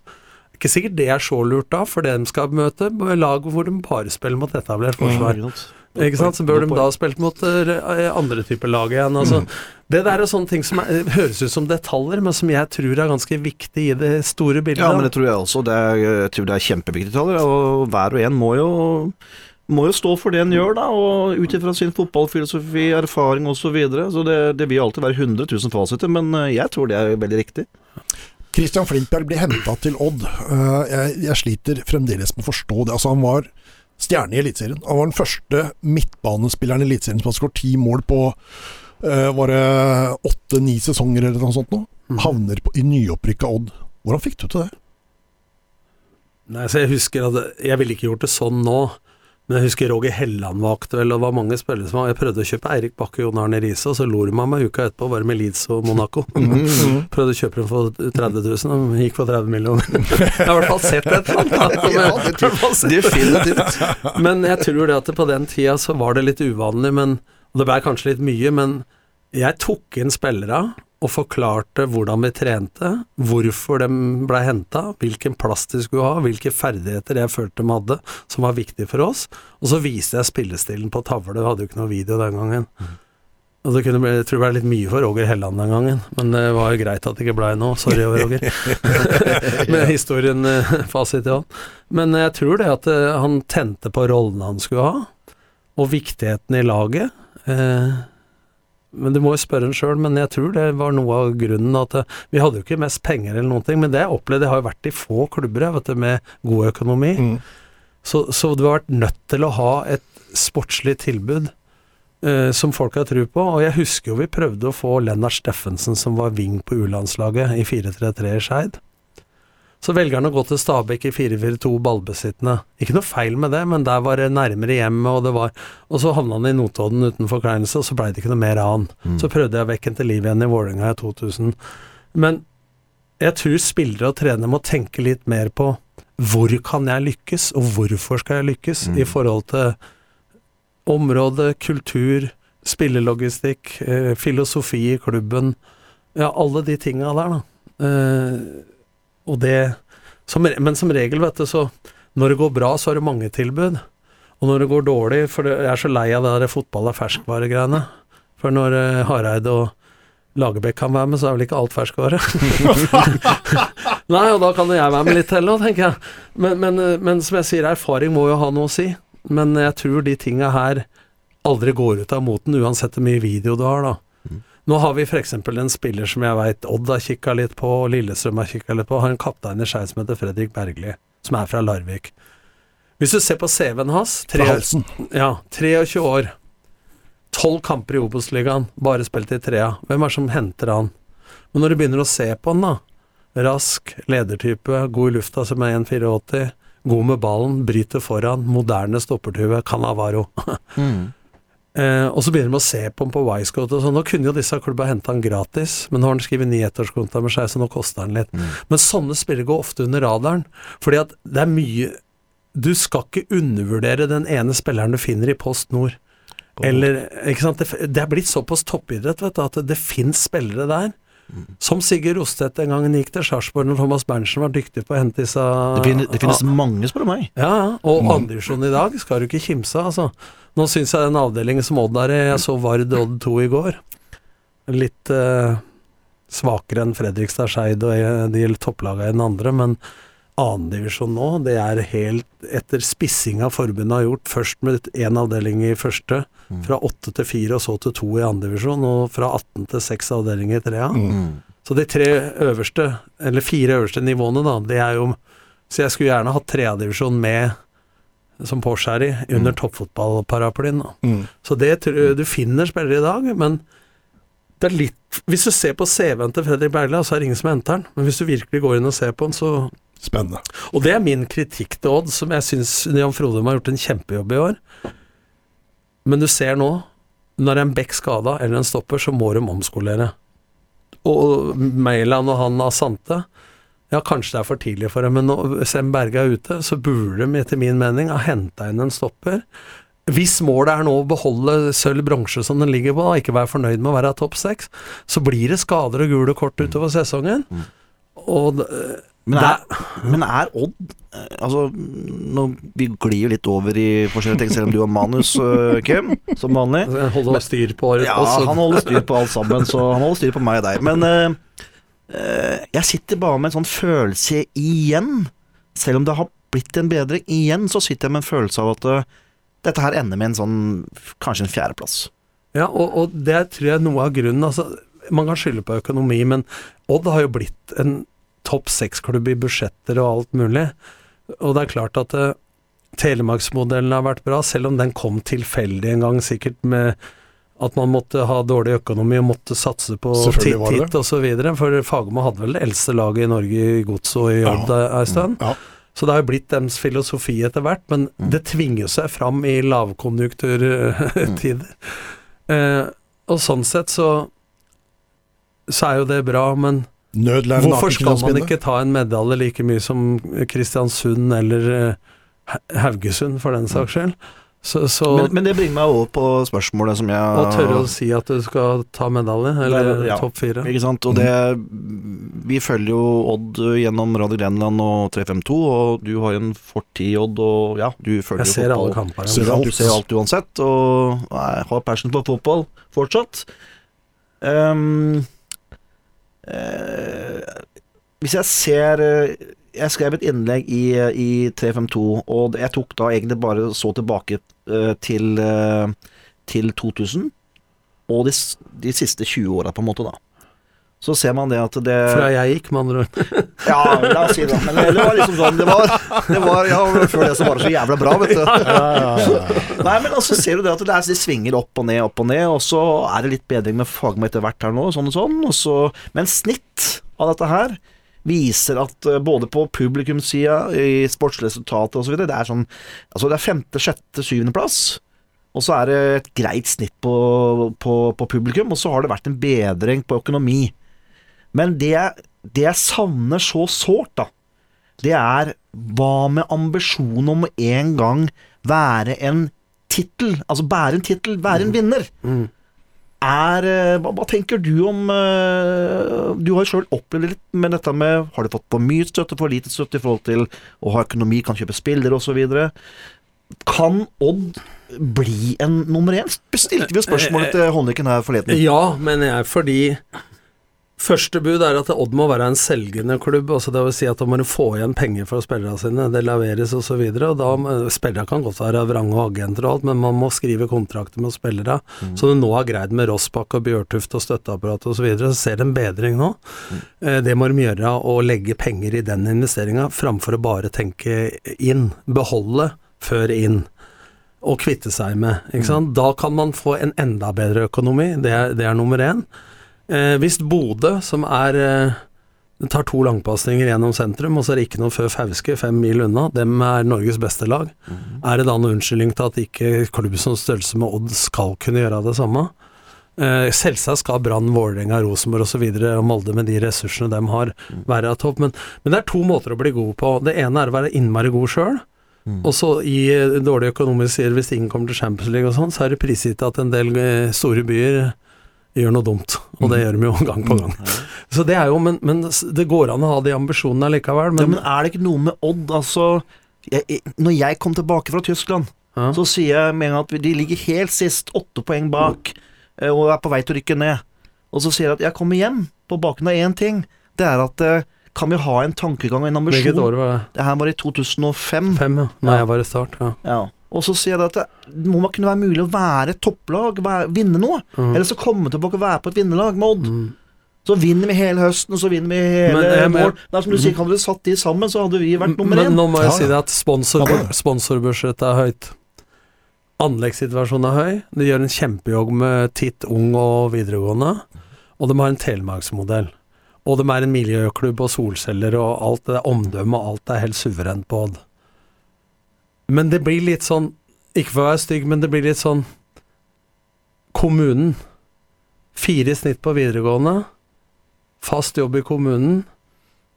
Da er det for få som bryr seg. Altså Hvis du er i bånn eller i toppen, så blir mediatrykket større. Det blir trøkkere selv om det ikke er rundt Akersgata.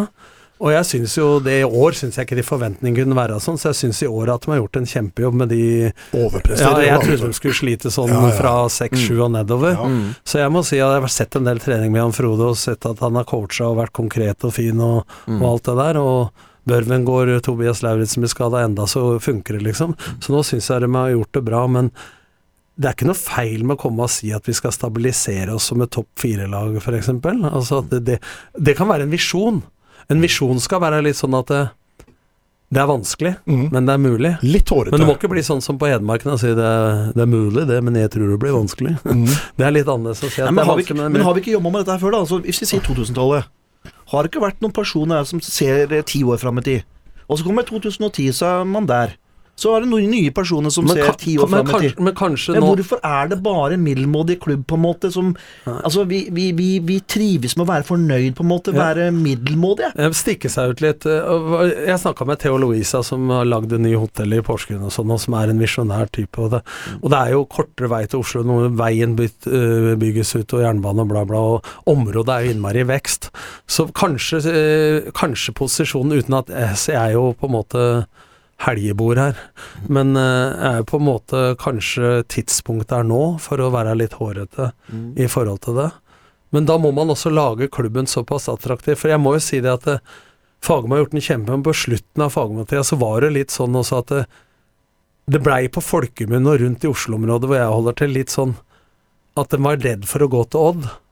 Fordi at eh, når du da ikke skrev under ny kontrakt, så sa Fagermo at da er du på benken. Det. Så det blei jo litt sånn bråk rundt det Ja. Og så jeg veit også det var en case i Vålerenga, at eh, den det leveres-saken før de ansatte Fagermo, og jeg sier ikke at det er Fagermo sin skyld, men jeg tror hovedgrunnen er det vi sier nå.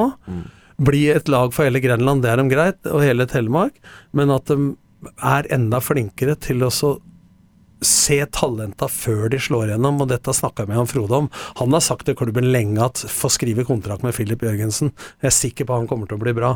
Og da må de høre litt på treneren og bruke litt penger på de for de inventaret som er på Falkund fra før. Og så kan det hende du bommer på noe, men da, det, er, det må være en grunn til at Stabæk har fått solgt så mye spillere, og, og ikke Odd. Eh, Men kommer du noe videre når sportssjefen var oppmann i 78? ja, Det kan Tommy få svare på. Nei, men jeg kan svare på dette her på denne måten at eh, Nei, men jeg savner jo kanskje da Jeg skjønner disse poengene, men jeg savner eh, litt av den materien hvor det er noen som er visjonære. Ja. Som tør å tenke stort, og som har høye ambisjoner. Jeg er litt lei av å høre på Ja, men dette år kan vi være blant de seks beste. Dette år kan vi være blant de fire beste. Mm. Men konsekvensen av visjonen, vet du, Tommy, det er jo målsetninga. Altså, visjonen, den er lengre fram i tid. Ja. Da mener jeg det må tørre å si at vi skal ta titler. Og eh, Odd vil aldri bli en klubb som tar titler år etter år etter år, men at det må være mulig å ta en tittel i cup eller serie ja, men jeg hører ikke snakk om det. Nei, men, og, og, og, og poen, nei, men hør nå. Ja. Poenget mitt er at jeg hører ikke snakk om det. Ja. Og hvis ikke du starter å snakke om titler, og legge lista der oppe Det er som du sier, hvorfor skal Bodø-Glimt plutselig ja, være ja, ja.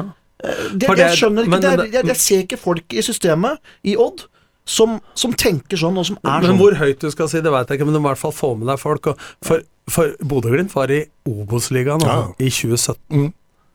I 2017 holdt på å rykke ned i 18. Sølv i fjor. Ja, men er ikke, er ikke virke Men- muligheten Jo, men bare for å fullføre det, så er visjonen at vi skal bli topplag. Så er vi til og med. Ja, ja, ja.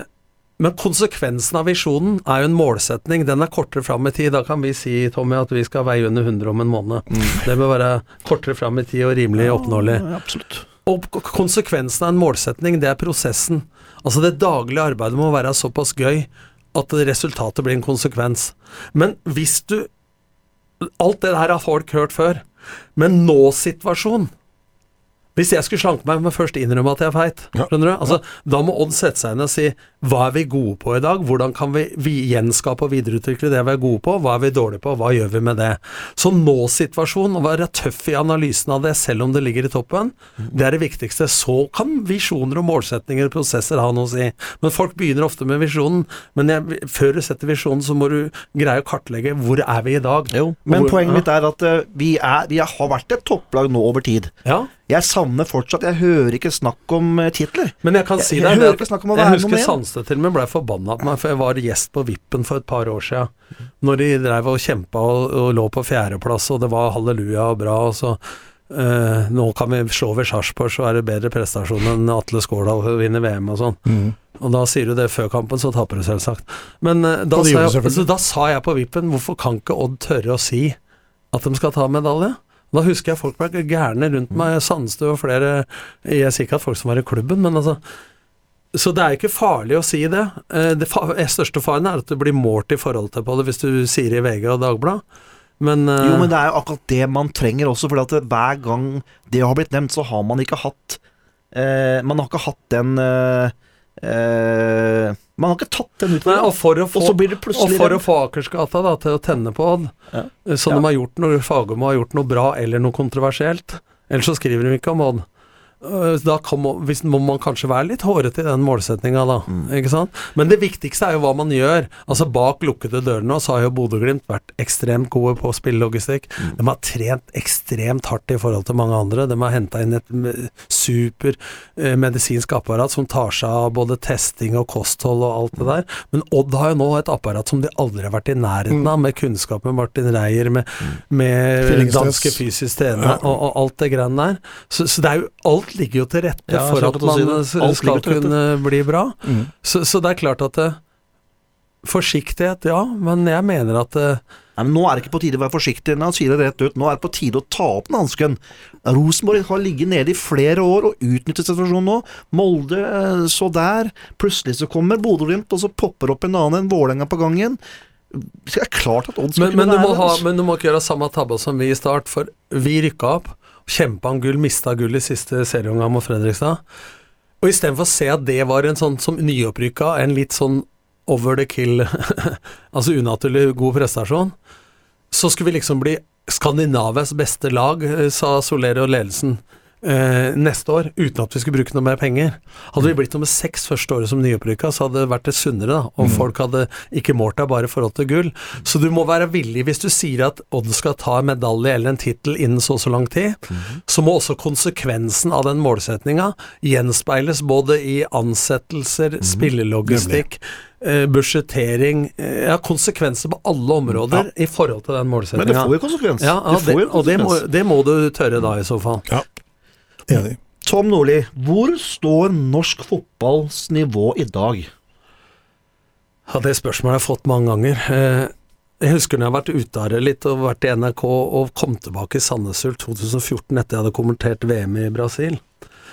Så fikk jeg en sånn aha-opplevelse i forhold til eh, når vi møtte Sarpsborg og flere lag. Så syns jeg at de hadde blitt mye bedre teknisk. Altså de individuelle ferdighetene på norske spillere på yngre landslag og sånn i dag, jeg veit ikke om det er kunstgress eller hva det er, den er mye høyere enn noensinne. Men brannfakkel, jeg påstår at det individuelle og lagtaktiske var vel så bra på Drillo-tida. Skjønner du? Mm. Altså at det, mens vi har higa etter å skape en Allan Sinjo og en Tommy Svindal Larsen, altså en tierrolle og en liten midtbanespiller, så hvor er den nye Rune Bratseth eller Jon Arne Riise? Har, eller, jo ikke midtstopper men lenger. så kan, Før så kunne jeg si en Jon Carew, men nå har du fått Sørloth og Braut og gutta, Ja, ja. så der har det skjedd noe. ja. Men er det på bakgrunn av arbeidet eller tilfeldig? Men, men vi må greie å ha to hu tanker i huet samtidig. Så jeg føler at det norsk fotball Jeg blir ikke så imponert hver gang jeg ser en eliteseriekamp sånn, men jeg føler liksom at det, ferdighetsnivået og alt er mye bedre enn før. Men så er det spørsmål hvor gode har de utenlandske lagene blitt i takt med at vi er blitt bedre. Den er jo vanskelig å måle, den kan du kun måle med landslag og, og Europacup. Men jeg føler at det står ganske bra til nå, selv om det er mye eliteseriekamper som jeg taktisk klør meg i, i huet av. Drillos første periode så hadde han altså åtte gode eh, midtstoppere. I dag så sliter vi med å finne to som eh, holder eh, høyt nivå. Eh, Ayer kommer dit, Men selvfølgelig. jeg hørte en men, en podkast i dag, Synseligaen, og jeg snakka litt med han ene.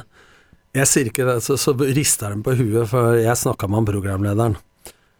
Og så sa jeg hvis du ikke har noen midtstopper ved siden av Ayer, og du har mye gode midtbanespillere, hadde det vært helt crazy å bruke Sander Berge som midtstopper? Ikke sant? Altså, han har fysikk, Han har alt som skal til. fart. Han ja. har alt som skal til, han. Ja. Og så begynte folk å le av det. Men Det har vært litt av min styrke som fotballtrener, å finne rolle til folk. Ja, men han spiller midtbane i Sheffield United. Ja, han er kanskje per, Norge, per nå Norges beste midtbanespiller, men for å se helheten, da Jeg sier ikke at de skal gjøre det før Serbia, men det er en helt utopi tanke Nei, nei. å tenke at han kunne vært en Tommy, Nei, nei, jeg- jeg- jeg- Også det han mangler som kunne blitt Nei, en altså, Også så deilig det er med spillende midtstopper som er Ja. gode med ballen i beina. Og, Ja, men samtidig kan forsvare goalen. Ja. Ja, ja. For i dag så skal de kun kunne frispilling. Og keeperne skal være gode med beina, men de skal jo faen ikke redde lenger. Nei, men skjønner du, altså Ja, du ja, må få til begge deler. Ja. Men, men, men kast den ut til lytterne våre, da. Er det helt Nå var jeg med i ledelsen i podkasten. vær så god, kjør på. Nydelig, Kjør på. nydelig, nydelig. Elsker det. men, er- men er det liksom utopi at Sander Berge kunne Hvis det er så mye dårlige midtstoppere som vi sier da, ved siden av han, er- kunne han ha spilt midtstopper? Lytter- ja! Ayer var jo spiss og midtbanespiller. Ja, ja, ja. Men lyttere får svare, da. Men nå kan jeg, jeg svare kjapt på det. Og si at ja. Men så spør jeg da videre Tom Nordli igjen. Ja. Hvem kan da ta plassen til eh, Sander Bergen? Nei, det Nettopp var, for å få den helheten som du ja, du snakker om. har Mathias Nordmann, du har Markus Henriksen, du har Mm. ja, Stefan var god sist. Jeg syns ikke han er noen kantspiller. Så vi kunne blitt sterkere sånn sett, mener ja, altså, hvis, med å ha gjort en ja, sånn altså, ja, hvis, Vi har nok Hvis av midtbanespillere, egentlig. ja, hvis du ikke har den stopperen, da, hvis vi tar utgangspunkt Vi har ikke noen stopper som er bra nok, Mm. Så, så tror jeg at vi har nok midtbanespillere, da, med Ja. Martin Ødegaard. Elonussi, eh, Stefan, Markus Henriksen. eh, ja. Henriksen, Ja. Ole Selnes, ikke Ja, minst. Ja. Eh, Vi så- hadde blitt sterkere på det, kanskje. ja, ja, altså Jeg bare Ja, jeg synes det Det er i hvert fall ikke noe idiotforslag. Nei, nei, nei, nei ikke. overhodet ikke. Det er et meget bra forslag. Nå var vi langt unna Odd Ja. 99, men Ja. eh, det er du som er programmet. Så, så starter 99-sesongen. Etter en time. Nydelig. Vi, altså, alle vet at vi starter med tre seire, men, men etter det så, så, så går det ganske trått om. Ja, det er vel, som jeg sa i stad, 01, 02, 03. Ja, Så er det mulig det er en uart innimellom, 04, Ja. 05. men, men vi har altså da, eh, om jeg ser på papirene mine eh, eh, På den der sånn, så har vi altså to, kun to seire på de neste elleve kampene. Ja. Det er jo starten her som egentlig redder den sesongen. Ja, men det var jo mer normalen det, da, som et nyopprykka lag. Men det jeg tror vi var ganske jeg, Det er mulig, men jeg husker ganske godt Jeg var ikke noe spesielt stressa. Var ikke Fordi at eh, jeg tror noe av styrken har vært bestandig, og det har jeg hatt når jeg jobba som mental trener for Ada Hegerberg og flere, at eh, evnen til å tenke Hva er vi gode på? Hvordan kan vi gjenskape og videreutvikle det? For det er sånn når du taper kamper, så er vi fotballtrenere sånn at vi overanalyserer. Selv når vi taper på utur, så analyserer vi kampen til døde om alt vi har gjort feil. Når vi vinner på stang inn på tur en dag, så sier vi et godt lag vinner på en eh, dårlig dag. Det er som Henning Berg sang, han eh, tapte ti kamper på rad. Så sa han vi er bedre enn resultatet tilsier. Så vant han den ellevte treneren, så sier Morten Svesing du er vel fornøyd nå, han har vært bedre i andre gang. Så han var ikke glad da heller. Ja, men da blir det traurig å holde på. Ja. Så jeg, jeg har en sønn, Leander, som svømte. Og han svømte dritbra. Og så var det NM, 13-årsklassen. Så svømte han dritdårlig. Så han gråt litt. Jeg tok han inn på handikaptoalettet, så satt han på fanget mitt og sa hva skal vi gjøre nå, Leander? sa jeg. Vi må finne ut hvorfor jeg var dårlig, pappa, sa han. Så så jeg på han i 30 sekunder sa jeg, men da blir du god på å være dårlig, da. Hva gjorde du sist gang du var god? Hva tenkte du? Hvordan forbereder du deg? Så satte han pers på en annen distanse en time etterpå. Men det er dette jeg har gjort når jeg kommer inn og skal redde lag. Mm. Istedenfor å bare male opp alt som har vært dårlig. Færre konkrete ting. Hva er vi gode på? Få fram eh, enklere ting, spisskompetansen i det. For alle sier de skal bygge stein på stein, at alt må ta så jævlig lang tid. Tenk om vi skulle ta over Lillesund i fjor i åtte dager og si at dette må, kommer til å ta tid, gitt. ja, men, ja, men skjønner du? For vi, vi, vi sier jo det vi trener av for at vi tror vi lever lenger ved å si at dette kommer til å ta tid. Det er jo bare en unnskyldning for oss sjøl. Da må du heller tenke deg om før du tar jobben og si at hvor fort er det mulig å gjøre dette. Men ting bør jo ikke ta så jævlig lang tid. Så jeg tror vi var ganske flinke selv tilbake i 99 til å trua på det vi driver med, men også være såpass pragmatisk at hvis du mister ballen på egen halvdel da, i frispillingsfasen For vi frispilte jo veldig mye, var en av de første lagene som dreiv med frispilling. Et system at én spiss, to spisser og tre spisser. Og jævla god på det. Og, ja, og vi la bort litt av det i den perioden, selvsagt. Du må være litt pragmatisk. Altså, du driver ikke og frispiller når du har tatt to seire på elleve kamper. Da holdt han skyver laget ut, og så fokuserer du på lang ball, rom to mellom stopper og bekk og gjenvinning for å unngå For du får jo dårlig selvtillit av å misse, ikke sant? Så du får ikke kjøpt selvtillit på apoteket. Du må jo mestre. Så jeg tror, og det sånn har jeg prøvd hele tida, og greide ikke Skeid i fjor, men eh, Vi hadde jo budsjett langt under de andre, og vi hadde ikke hjemmebane og sånn. Og, og, men vi var for dårlige, men tapte jo ti kamper med ett mål og 26 stolpeskudd osv. Men da er du ikke god nok når det skjer gang. Men jeg tror vi i 99 var ganske flinke til å samle gruppa, diskutere fotball. Ta, diskuterte gjerne så vi blei gærne i huet, men når vi gikk ut av rommet, så var vi enten enige om å være enige eller enige om å være uenige, men det var eh, trenerteamet og jeg som tok avgjørelsen. mm. Så er det jo spillergruppa som var sterk fotballfaglig da. Som greier på Jeg er jo imponert over dem som greier å, å stå imot Stå imot eh, det greiene der. Apropos det, Geir Amundsen var hjelper i 99. Han har ubesvart samtalen. Ja, så der, ja. Hei, Geir. Midt i Hei, 99. Geir. Så han kom i 99, det er Det eh, er en hotte saker på gang. karma. Ja, det er det. Eh, Men, men, men høsten var vidunderlig. Eh, Blir en syvendeplass. Eh, Det jeg kanskje sitter igjen med som det store, er denne vanvittige 5-3-seieren på Lerkendal. Det er første gang jeg er på Lerkendal, og så får jeg oppleve det. Da står jeg sammen med Eggen før kampen, og de hadde vunnet i serien. Det var 17 000 på Lerkendal. De sparte bare Ørjan Berg. Og så sier jeg det, prater jeg med brei indreløper og litt sånn, da, vet du.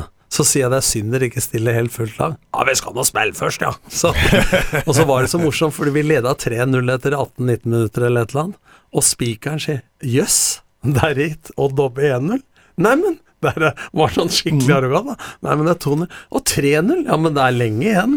Og den gangen var vel var det Rushfeldt, Brattbakk og kompani som spilte på topp, liksom. Mm. Jeg vet, Karev var vel ikke der? Nei, Eller var han var i Vålerenga. Ja, 99. Han gikk ved 2000 til Valencia. Så han Ja, var, ja. han var i Vålerenga. Ja. Nei, så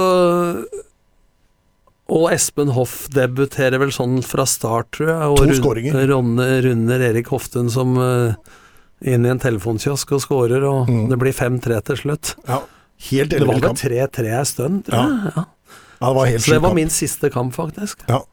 Eh, kampen føre, så begynte vi også å skjønne litt hva som skjedde. For det er første gang jeg har sett en trener etter at vi slår Brann 3-1 på Falkum. I nest siste kamp så kaster du buksa. Tar av deg treningsbuksa, kaster den opp til supportera. Det husker jeg ikke. Det husker jeg.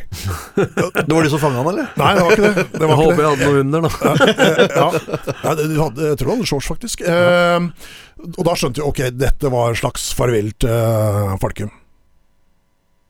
Nei, men det var jo ikke i nærheten, skjønner du. Det var ikke det. Nei, nei, Det er bare for- vi som la, la Ja, for mye i det som jeg hadde to klausuler, det er litt morsomt den ene, for Erik Soler var agenten min.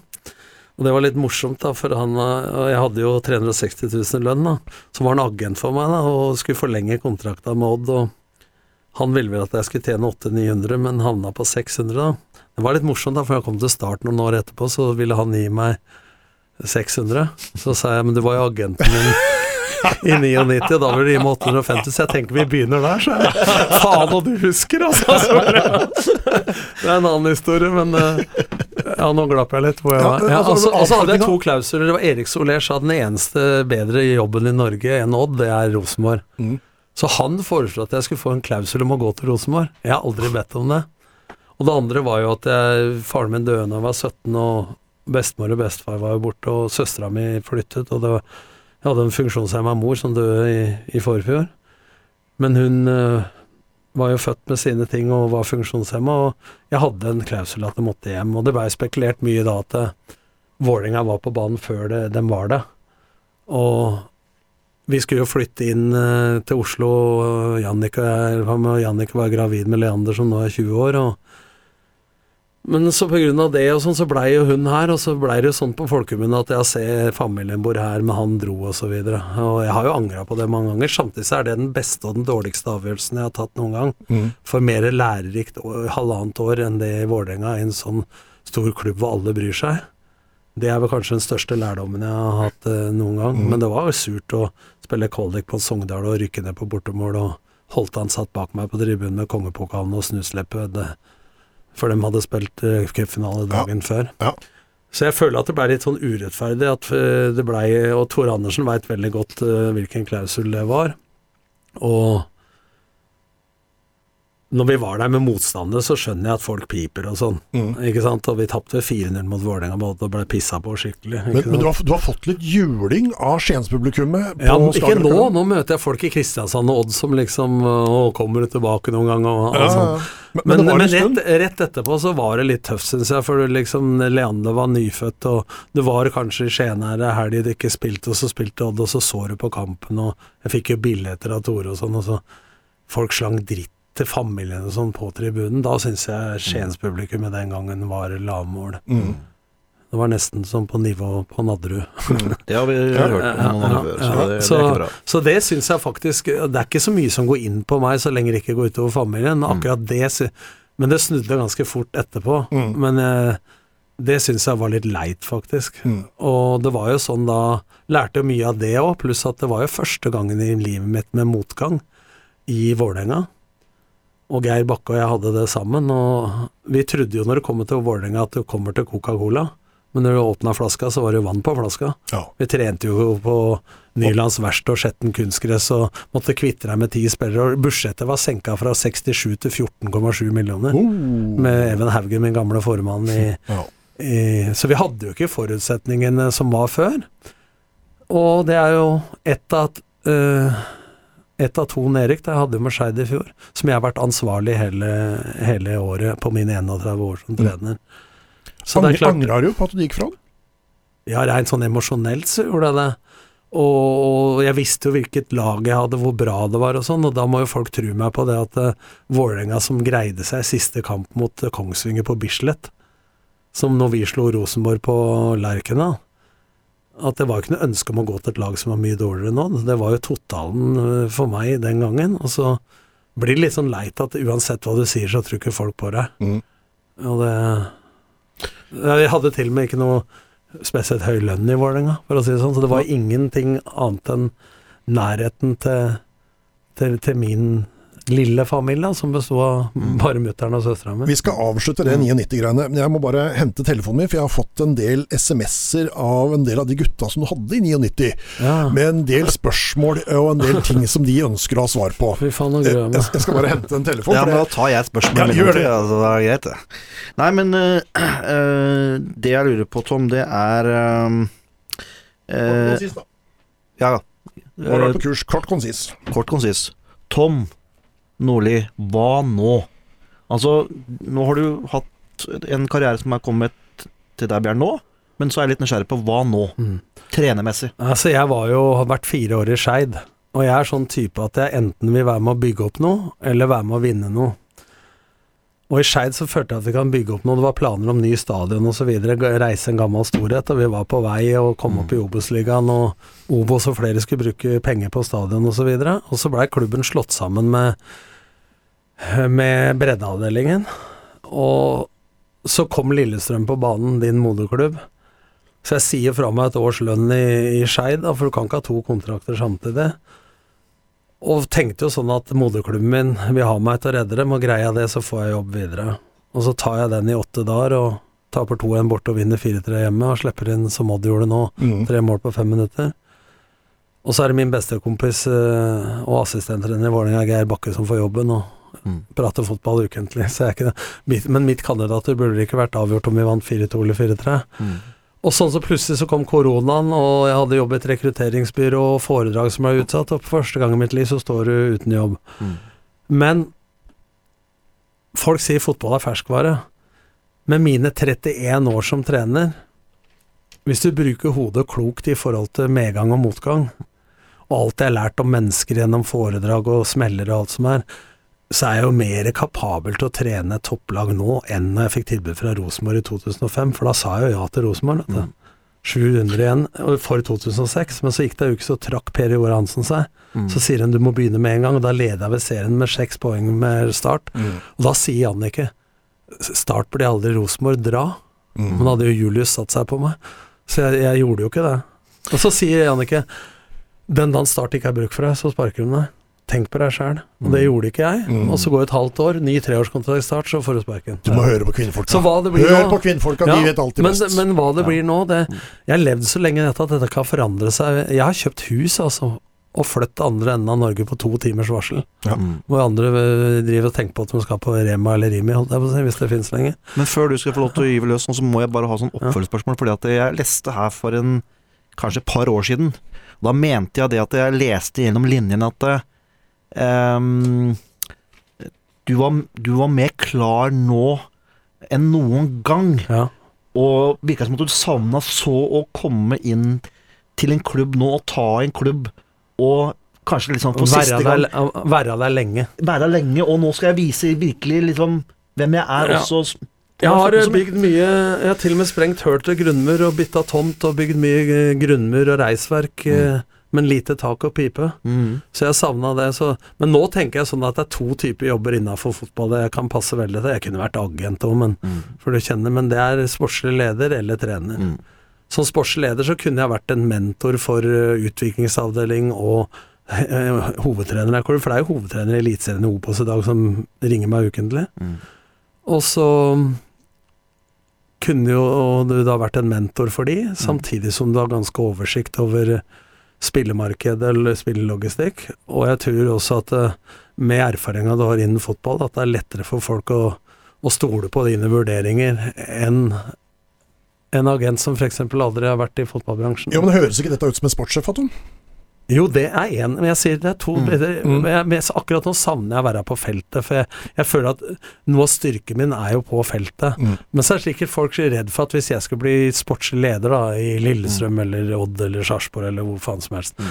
så tenker de sånn at du blir som sjuende far i huset at du har lyst til å ta over. Men at jeg har vært assistenttrener flere ganger, så det er minst pro... Det finnes ikke mer lojal fyr enn meg hvis stillingsinstruksen er klar. Og som jeg sa til Jan Åge Førtoft til Lillestrøm, og det finnes vel få trenere som tåler så mye kritikk som meg, så lenge jeg veit at de som kritiserer meg, ønsker mitt beste og ikke ønsker meg vekk. Mm. Mm. Men det siste Men- men- er jo ofte sånn. Ja. Men føler du deg nå eh, Altså eh, eh, Er det mulig? Altså Føler du deg litt glemt? Eller, eller, eller er du på blokka til mange og, og Jeg har jo, jeg har jo mens mulighet. jeg har vært i Skeid, hatt tilbud fra flere eliteserieklubber og Irak og Marokko og sånne ting. Ja, ja. Men det har passa med familie. Al-Shavra. Al-Shavra, jeg Ja. har lest om det. Hadde jeg gått etter Jannicke sa dra, men hadde vi ikke kommet levende hjem igjen. Nei. Eh, men så har det passa ganske bra å være her seg. Du hadde tru på det oppbyggingsprosjektet. Men jeg merka jo det, altså. Jeg var jo tent og har alltid vært sulten. Og, altså når du trener folk til daglig, så tenker du ikke om det er Obos-liga eller Eliteserie. Men når det var 9000-10 000 på Åråsen i den kvalikkampen, så var det en eller annen flamme som vokste i meg igjen, som jeg ikke hadde kjent på, på et par år. Ja. Og det var litt deilig. det var noe medisin eh, i det. Ja. Så, så da følte jeg liksom at fy faen, eh, det her. så jeg føler meg ikke glemt, for det er liksom et halvt år siden du sto der i manesjen, og jeg har vært i Obos-ligaen nå. Jeg har vært ett år i 2010 uten trenerjobb, liksom, ellers har jeg vært i strekk 31 år. Men jeg prøver jo nå å se mye. Se Odd trene mye, se Lillestrøm trene mye, diskutere fotball, se fotball. Å se det litt utenfra er også litt ålreit, men jeg ja, nå har jeg malt låvene og båret litt stein ute på her, så jeg begynner å bli ganske klar til å gjøre noe. Du er dødssugen på å komme inn Jeg igjen er nå. la- er så lang i armene at jeg kan klø meg i ræva med albuen nå, så Men, men vi leste i avisa her i forrige uke at, at uh, Svennis, uh, Sven Jørgen Eriksson, han var eh, aktuell for Odd-jobben eh, i vinter. Var du, Tror, tror du på det? Nei, jeg veit ikke, det sto i avisa, så da tror jeg da Var, var du det, Tom? Nei, jeg tror jeg hadde vært aktuell hvis de hadde gått eksternt. Men det er mulig de så etter en annen profil nå, hva det enn det måtte være. Mm. Men uh, du ser jo nå at Erik Kjøne og Jørgen Isnes er unge trenere, og plutselig så er du hot som søren. Mm. Og det er fortjent. Men det er først når du har hatt et år med motgang eller to, du ser hva folk står for. Da. Så det er litt, sånn, litt for mye sånn ferskvarefokus, tenker jeg. sånn at det, Samme som jeg fikk tilbud av Rosenborg liksom 2005, jeg burde heller fått det nå. ja, men sånn at Ja, For du ja. leda serien med start. Ja. Uh, han er bra, han tar vel liksom, for å sette det litt uh, tabloid, da. Kunne du tenkt deg altså hatt sportssjefjobben i jobb? Det har jeg ikke tenkt noe på, faktisk. Tore har vel den jobben. Ja, ja, men, men om den skulle blitt ledig, kunne du vært aktuell for det? Hadde du, hatt lyst på den? Ja, altså jeg ville ha vurdert det. Ja. Det ville jeg gjort, fordi både reit sånn familiemessig, jeg kunne bodd ett sted, eh, og ikke ha to, holdt jeg på å si. Nå går jo unga på skole, universitet og barneskole i, i Lørenskog, Oslo. Eh, sånn sett. Og så, Og så på en måte vært med på den visjonen Tommy kasta ut her i stad, da. Mm. Og så tatt de siste stega, Mm. og vært en brikke av det i en klubb jeg begynte toppfotballkarriere, for å si det sånn. Men Har du noen følelse for klubben, forresten? Ja, altså jeg har følelse for tre klubber. Eh, det er Lillestrøm, for det er der jeg har spilt siden jeg var sju år og født og oppvokst. Og jeg hadde nok ikke tatt en åttedagers redningsaksjon hvis det ikke hadde vært type klubb. Mm. Og så er det Odd. Vi er, har hus her. Eh, første toppjobben, hatt kontakt med folk i Odd hele tida. Og så er det Start hvor det var så suksess, og vi trivdes veldig godt med å bo der. Det har jo selvsagt følelser for andre steder jeg har vært òg, men det blir mer sånn familiært og emosjonelt i der med de tre klubba. da. Mm. Kanskje eh, ekstra med Lillestrøm, Selvfølgelig. eh, Odd og, og Start i den eh, rekkefølga og sånn. Mm. Ellers så blir det sånn at du opererer inn hjertet ditt i Det blir som spillere. at Om jeg har spilt mange steder, du har hjertet ditt der du er i kontraktstida. Ja, Sånn har det jo blitt. Mm. Eh, Det er ikke så mange engelskmenn på Arsenal heller. Altså, de heier på drakta. Mm. Nei, men, men det er vel litt sånn at eh, selv om du spilte i Stabæk i mange år, så, så var det vel Odd allikevel som hadde en spesiell plass i hjertet ditt? For det var der du starta? Ja da, det Hvis en skal begynne å Det er, det er en par-tre steder, ikke sant. Det er jo du har, du har Ja, nå har jeg fire, egentlig, for jeg har vært der så lenge. Sånn som Start, Stabæk, Odd da, og Nürnberg. Mm. Så kommer jeg så veldig under huden på folk, og, og ja, du får den der eh, litt emosjonelle delen og Du har egentlig ikke vært andre steder, Thomas, så det er de Nei, ja, stedene det du har er vært, de stedene. Så, Ja. Men hvis du skal plukke ut av de igjen, på en måte og rangere liksom hvem ligger det dypest, så er det jo Odd fordi at det er moderklubben, og det er en spesiell historie, og det var der du på en måte Starta og avslutta. Men Ja. utenom moderklubben, da, så er det jo sånn når jeg er i Kristiansand, Mm. så merker jeg at hele folket snakker om 2004, 2005, 2006, liksom. Ja. Mm. Og kom tilbake igjen. Altså, Mm. Det gjør noe med deg at du Ja, ja. føler deg velkommen, på en måte. da. Det var jo en suksesshistorie. Og det føler jeg liksom i skje nå, men jeg følte ikke det de første Nei. månedene året etter jeg gikk til Vålerenga. si sånn. Gutta, eh, tida begynner å løpe fra oss. Eh, jeg skal kaste resten av manuset, for jeg skjønner at det får jeg ikke tid til allikevel. Men eh, vi avslutter vi med disse tekstmeldingene som har kommet i dag. Faen. Du er klar? Eh, jeg bør ikke si eh, Jeg skjønner hvem som spør allikevel. Nei, jeg har spurt litt forskjellige folk. Eh, hei, tror ikke jeg har så mye å bidra med. Jeg var så ung på den tida, men hils masse Tom. skriver en relativt ung og lovende høyrebekk fra Heistad den gang. Eh, og så er det en uh, Er det, er det Terkelsen? Nei, uh, Knut Stian Knutsen. Mm. Uh, og så er det en danske som skriver hm, Kommer ikke på noe umiddelbart, skal prøve å tenke litt. Uh, hvis jeg kommer på noe, så hører du fra meg. Og så begynner det gull å komme, skjønner du. Uh, hei, Kim. Du trenger bare ett spørsmål. Han prater i vei uansett. Ta utgangspunkt i at alt han sier, ikke er 100% korrekt. Er det Holtan, det da? Det kan fort ha vært. Og så er det en annen kar her. Ehm, spør Tom om ehm, turen hjem etter Moss-kampen. Moss-Horten-ferja. Ja, men eh, den historien han skal fram til, er ikke med Odd, vet du. Jo. Ja, men Da veit jeg ikke hva han skal fram til. En Han sa at kona var på nippet til å føde, eh, ja, men, det, var stemte det jo ikke i det hele tatt. Det var ikke Odd. Var det ikke Odd? Nei. Okay. Men, eh, men hun var gravid. Ja. Men, eh, men eh, vi skulle til Syden. Skulle til Syden. det var i start. Skulle til Syden dagen etterpå, fra Kjevik.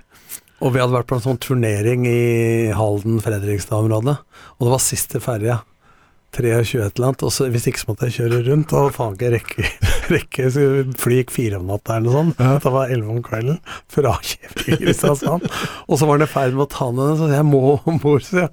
For Jannicke er gravid. Hun var jo det. Ja. Det var jo en par måneder til, da. Ja. Dette, dette, dette var jo i desember, og hun fødte i april. Så alt jeg sier er sant. Ok. Det. Så Frode, det var ikke i Odd. Eh, det var ikke i Odd. Og så har jeg et annet spørsmål her. Eh, spør Tom hva Thomas Rød sa da han leste A-lisensoppgaven til Tom. Ja, det var prolisens, som det heter nå. Ja.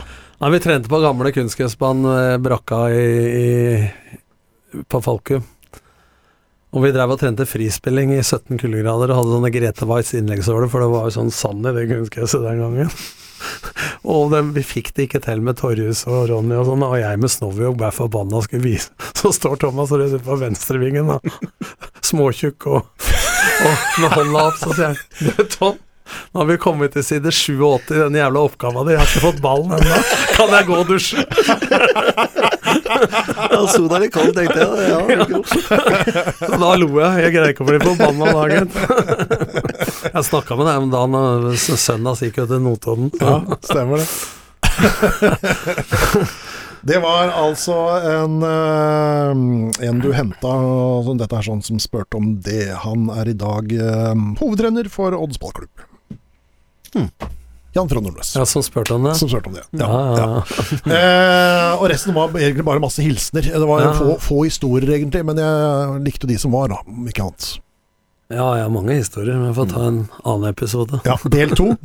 Jeg kan ta én til slutt. Ja, avslutt med det. Med Holtan, da. Det var litt morsomt, for Holtan hadde temperament. Vet du. Altså, så var det en trening som han måtte stå i mål vet du, på restitusjonstreninga. Så var det liksom reserven og de som følte overskudd, skulle spille litt fire mot fire på den lille gressbanen som var før. Mm. Der var det kunstgressbane, treningsbane i dag.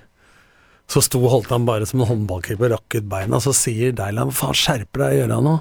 Ja, det er ene, ellers så Det var vel i 98, tenker jeg. Ellers så du, blir du ikke lenge på treninga her.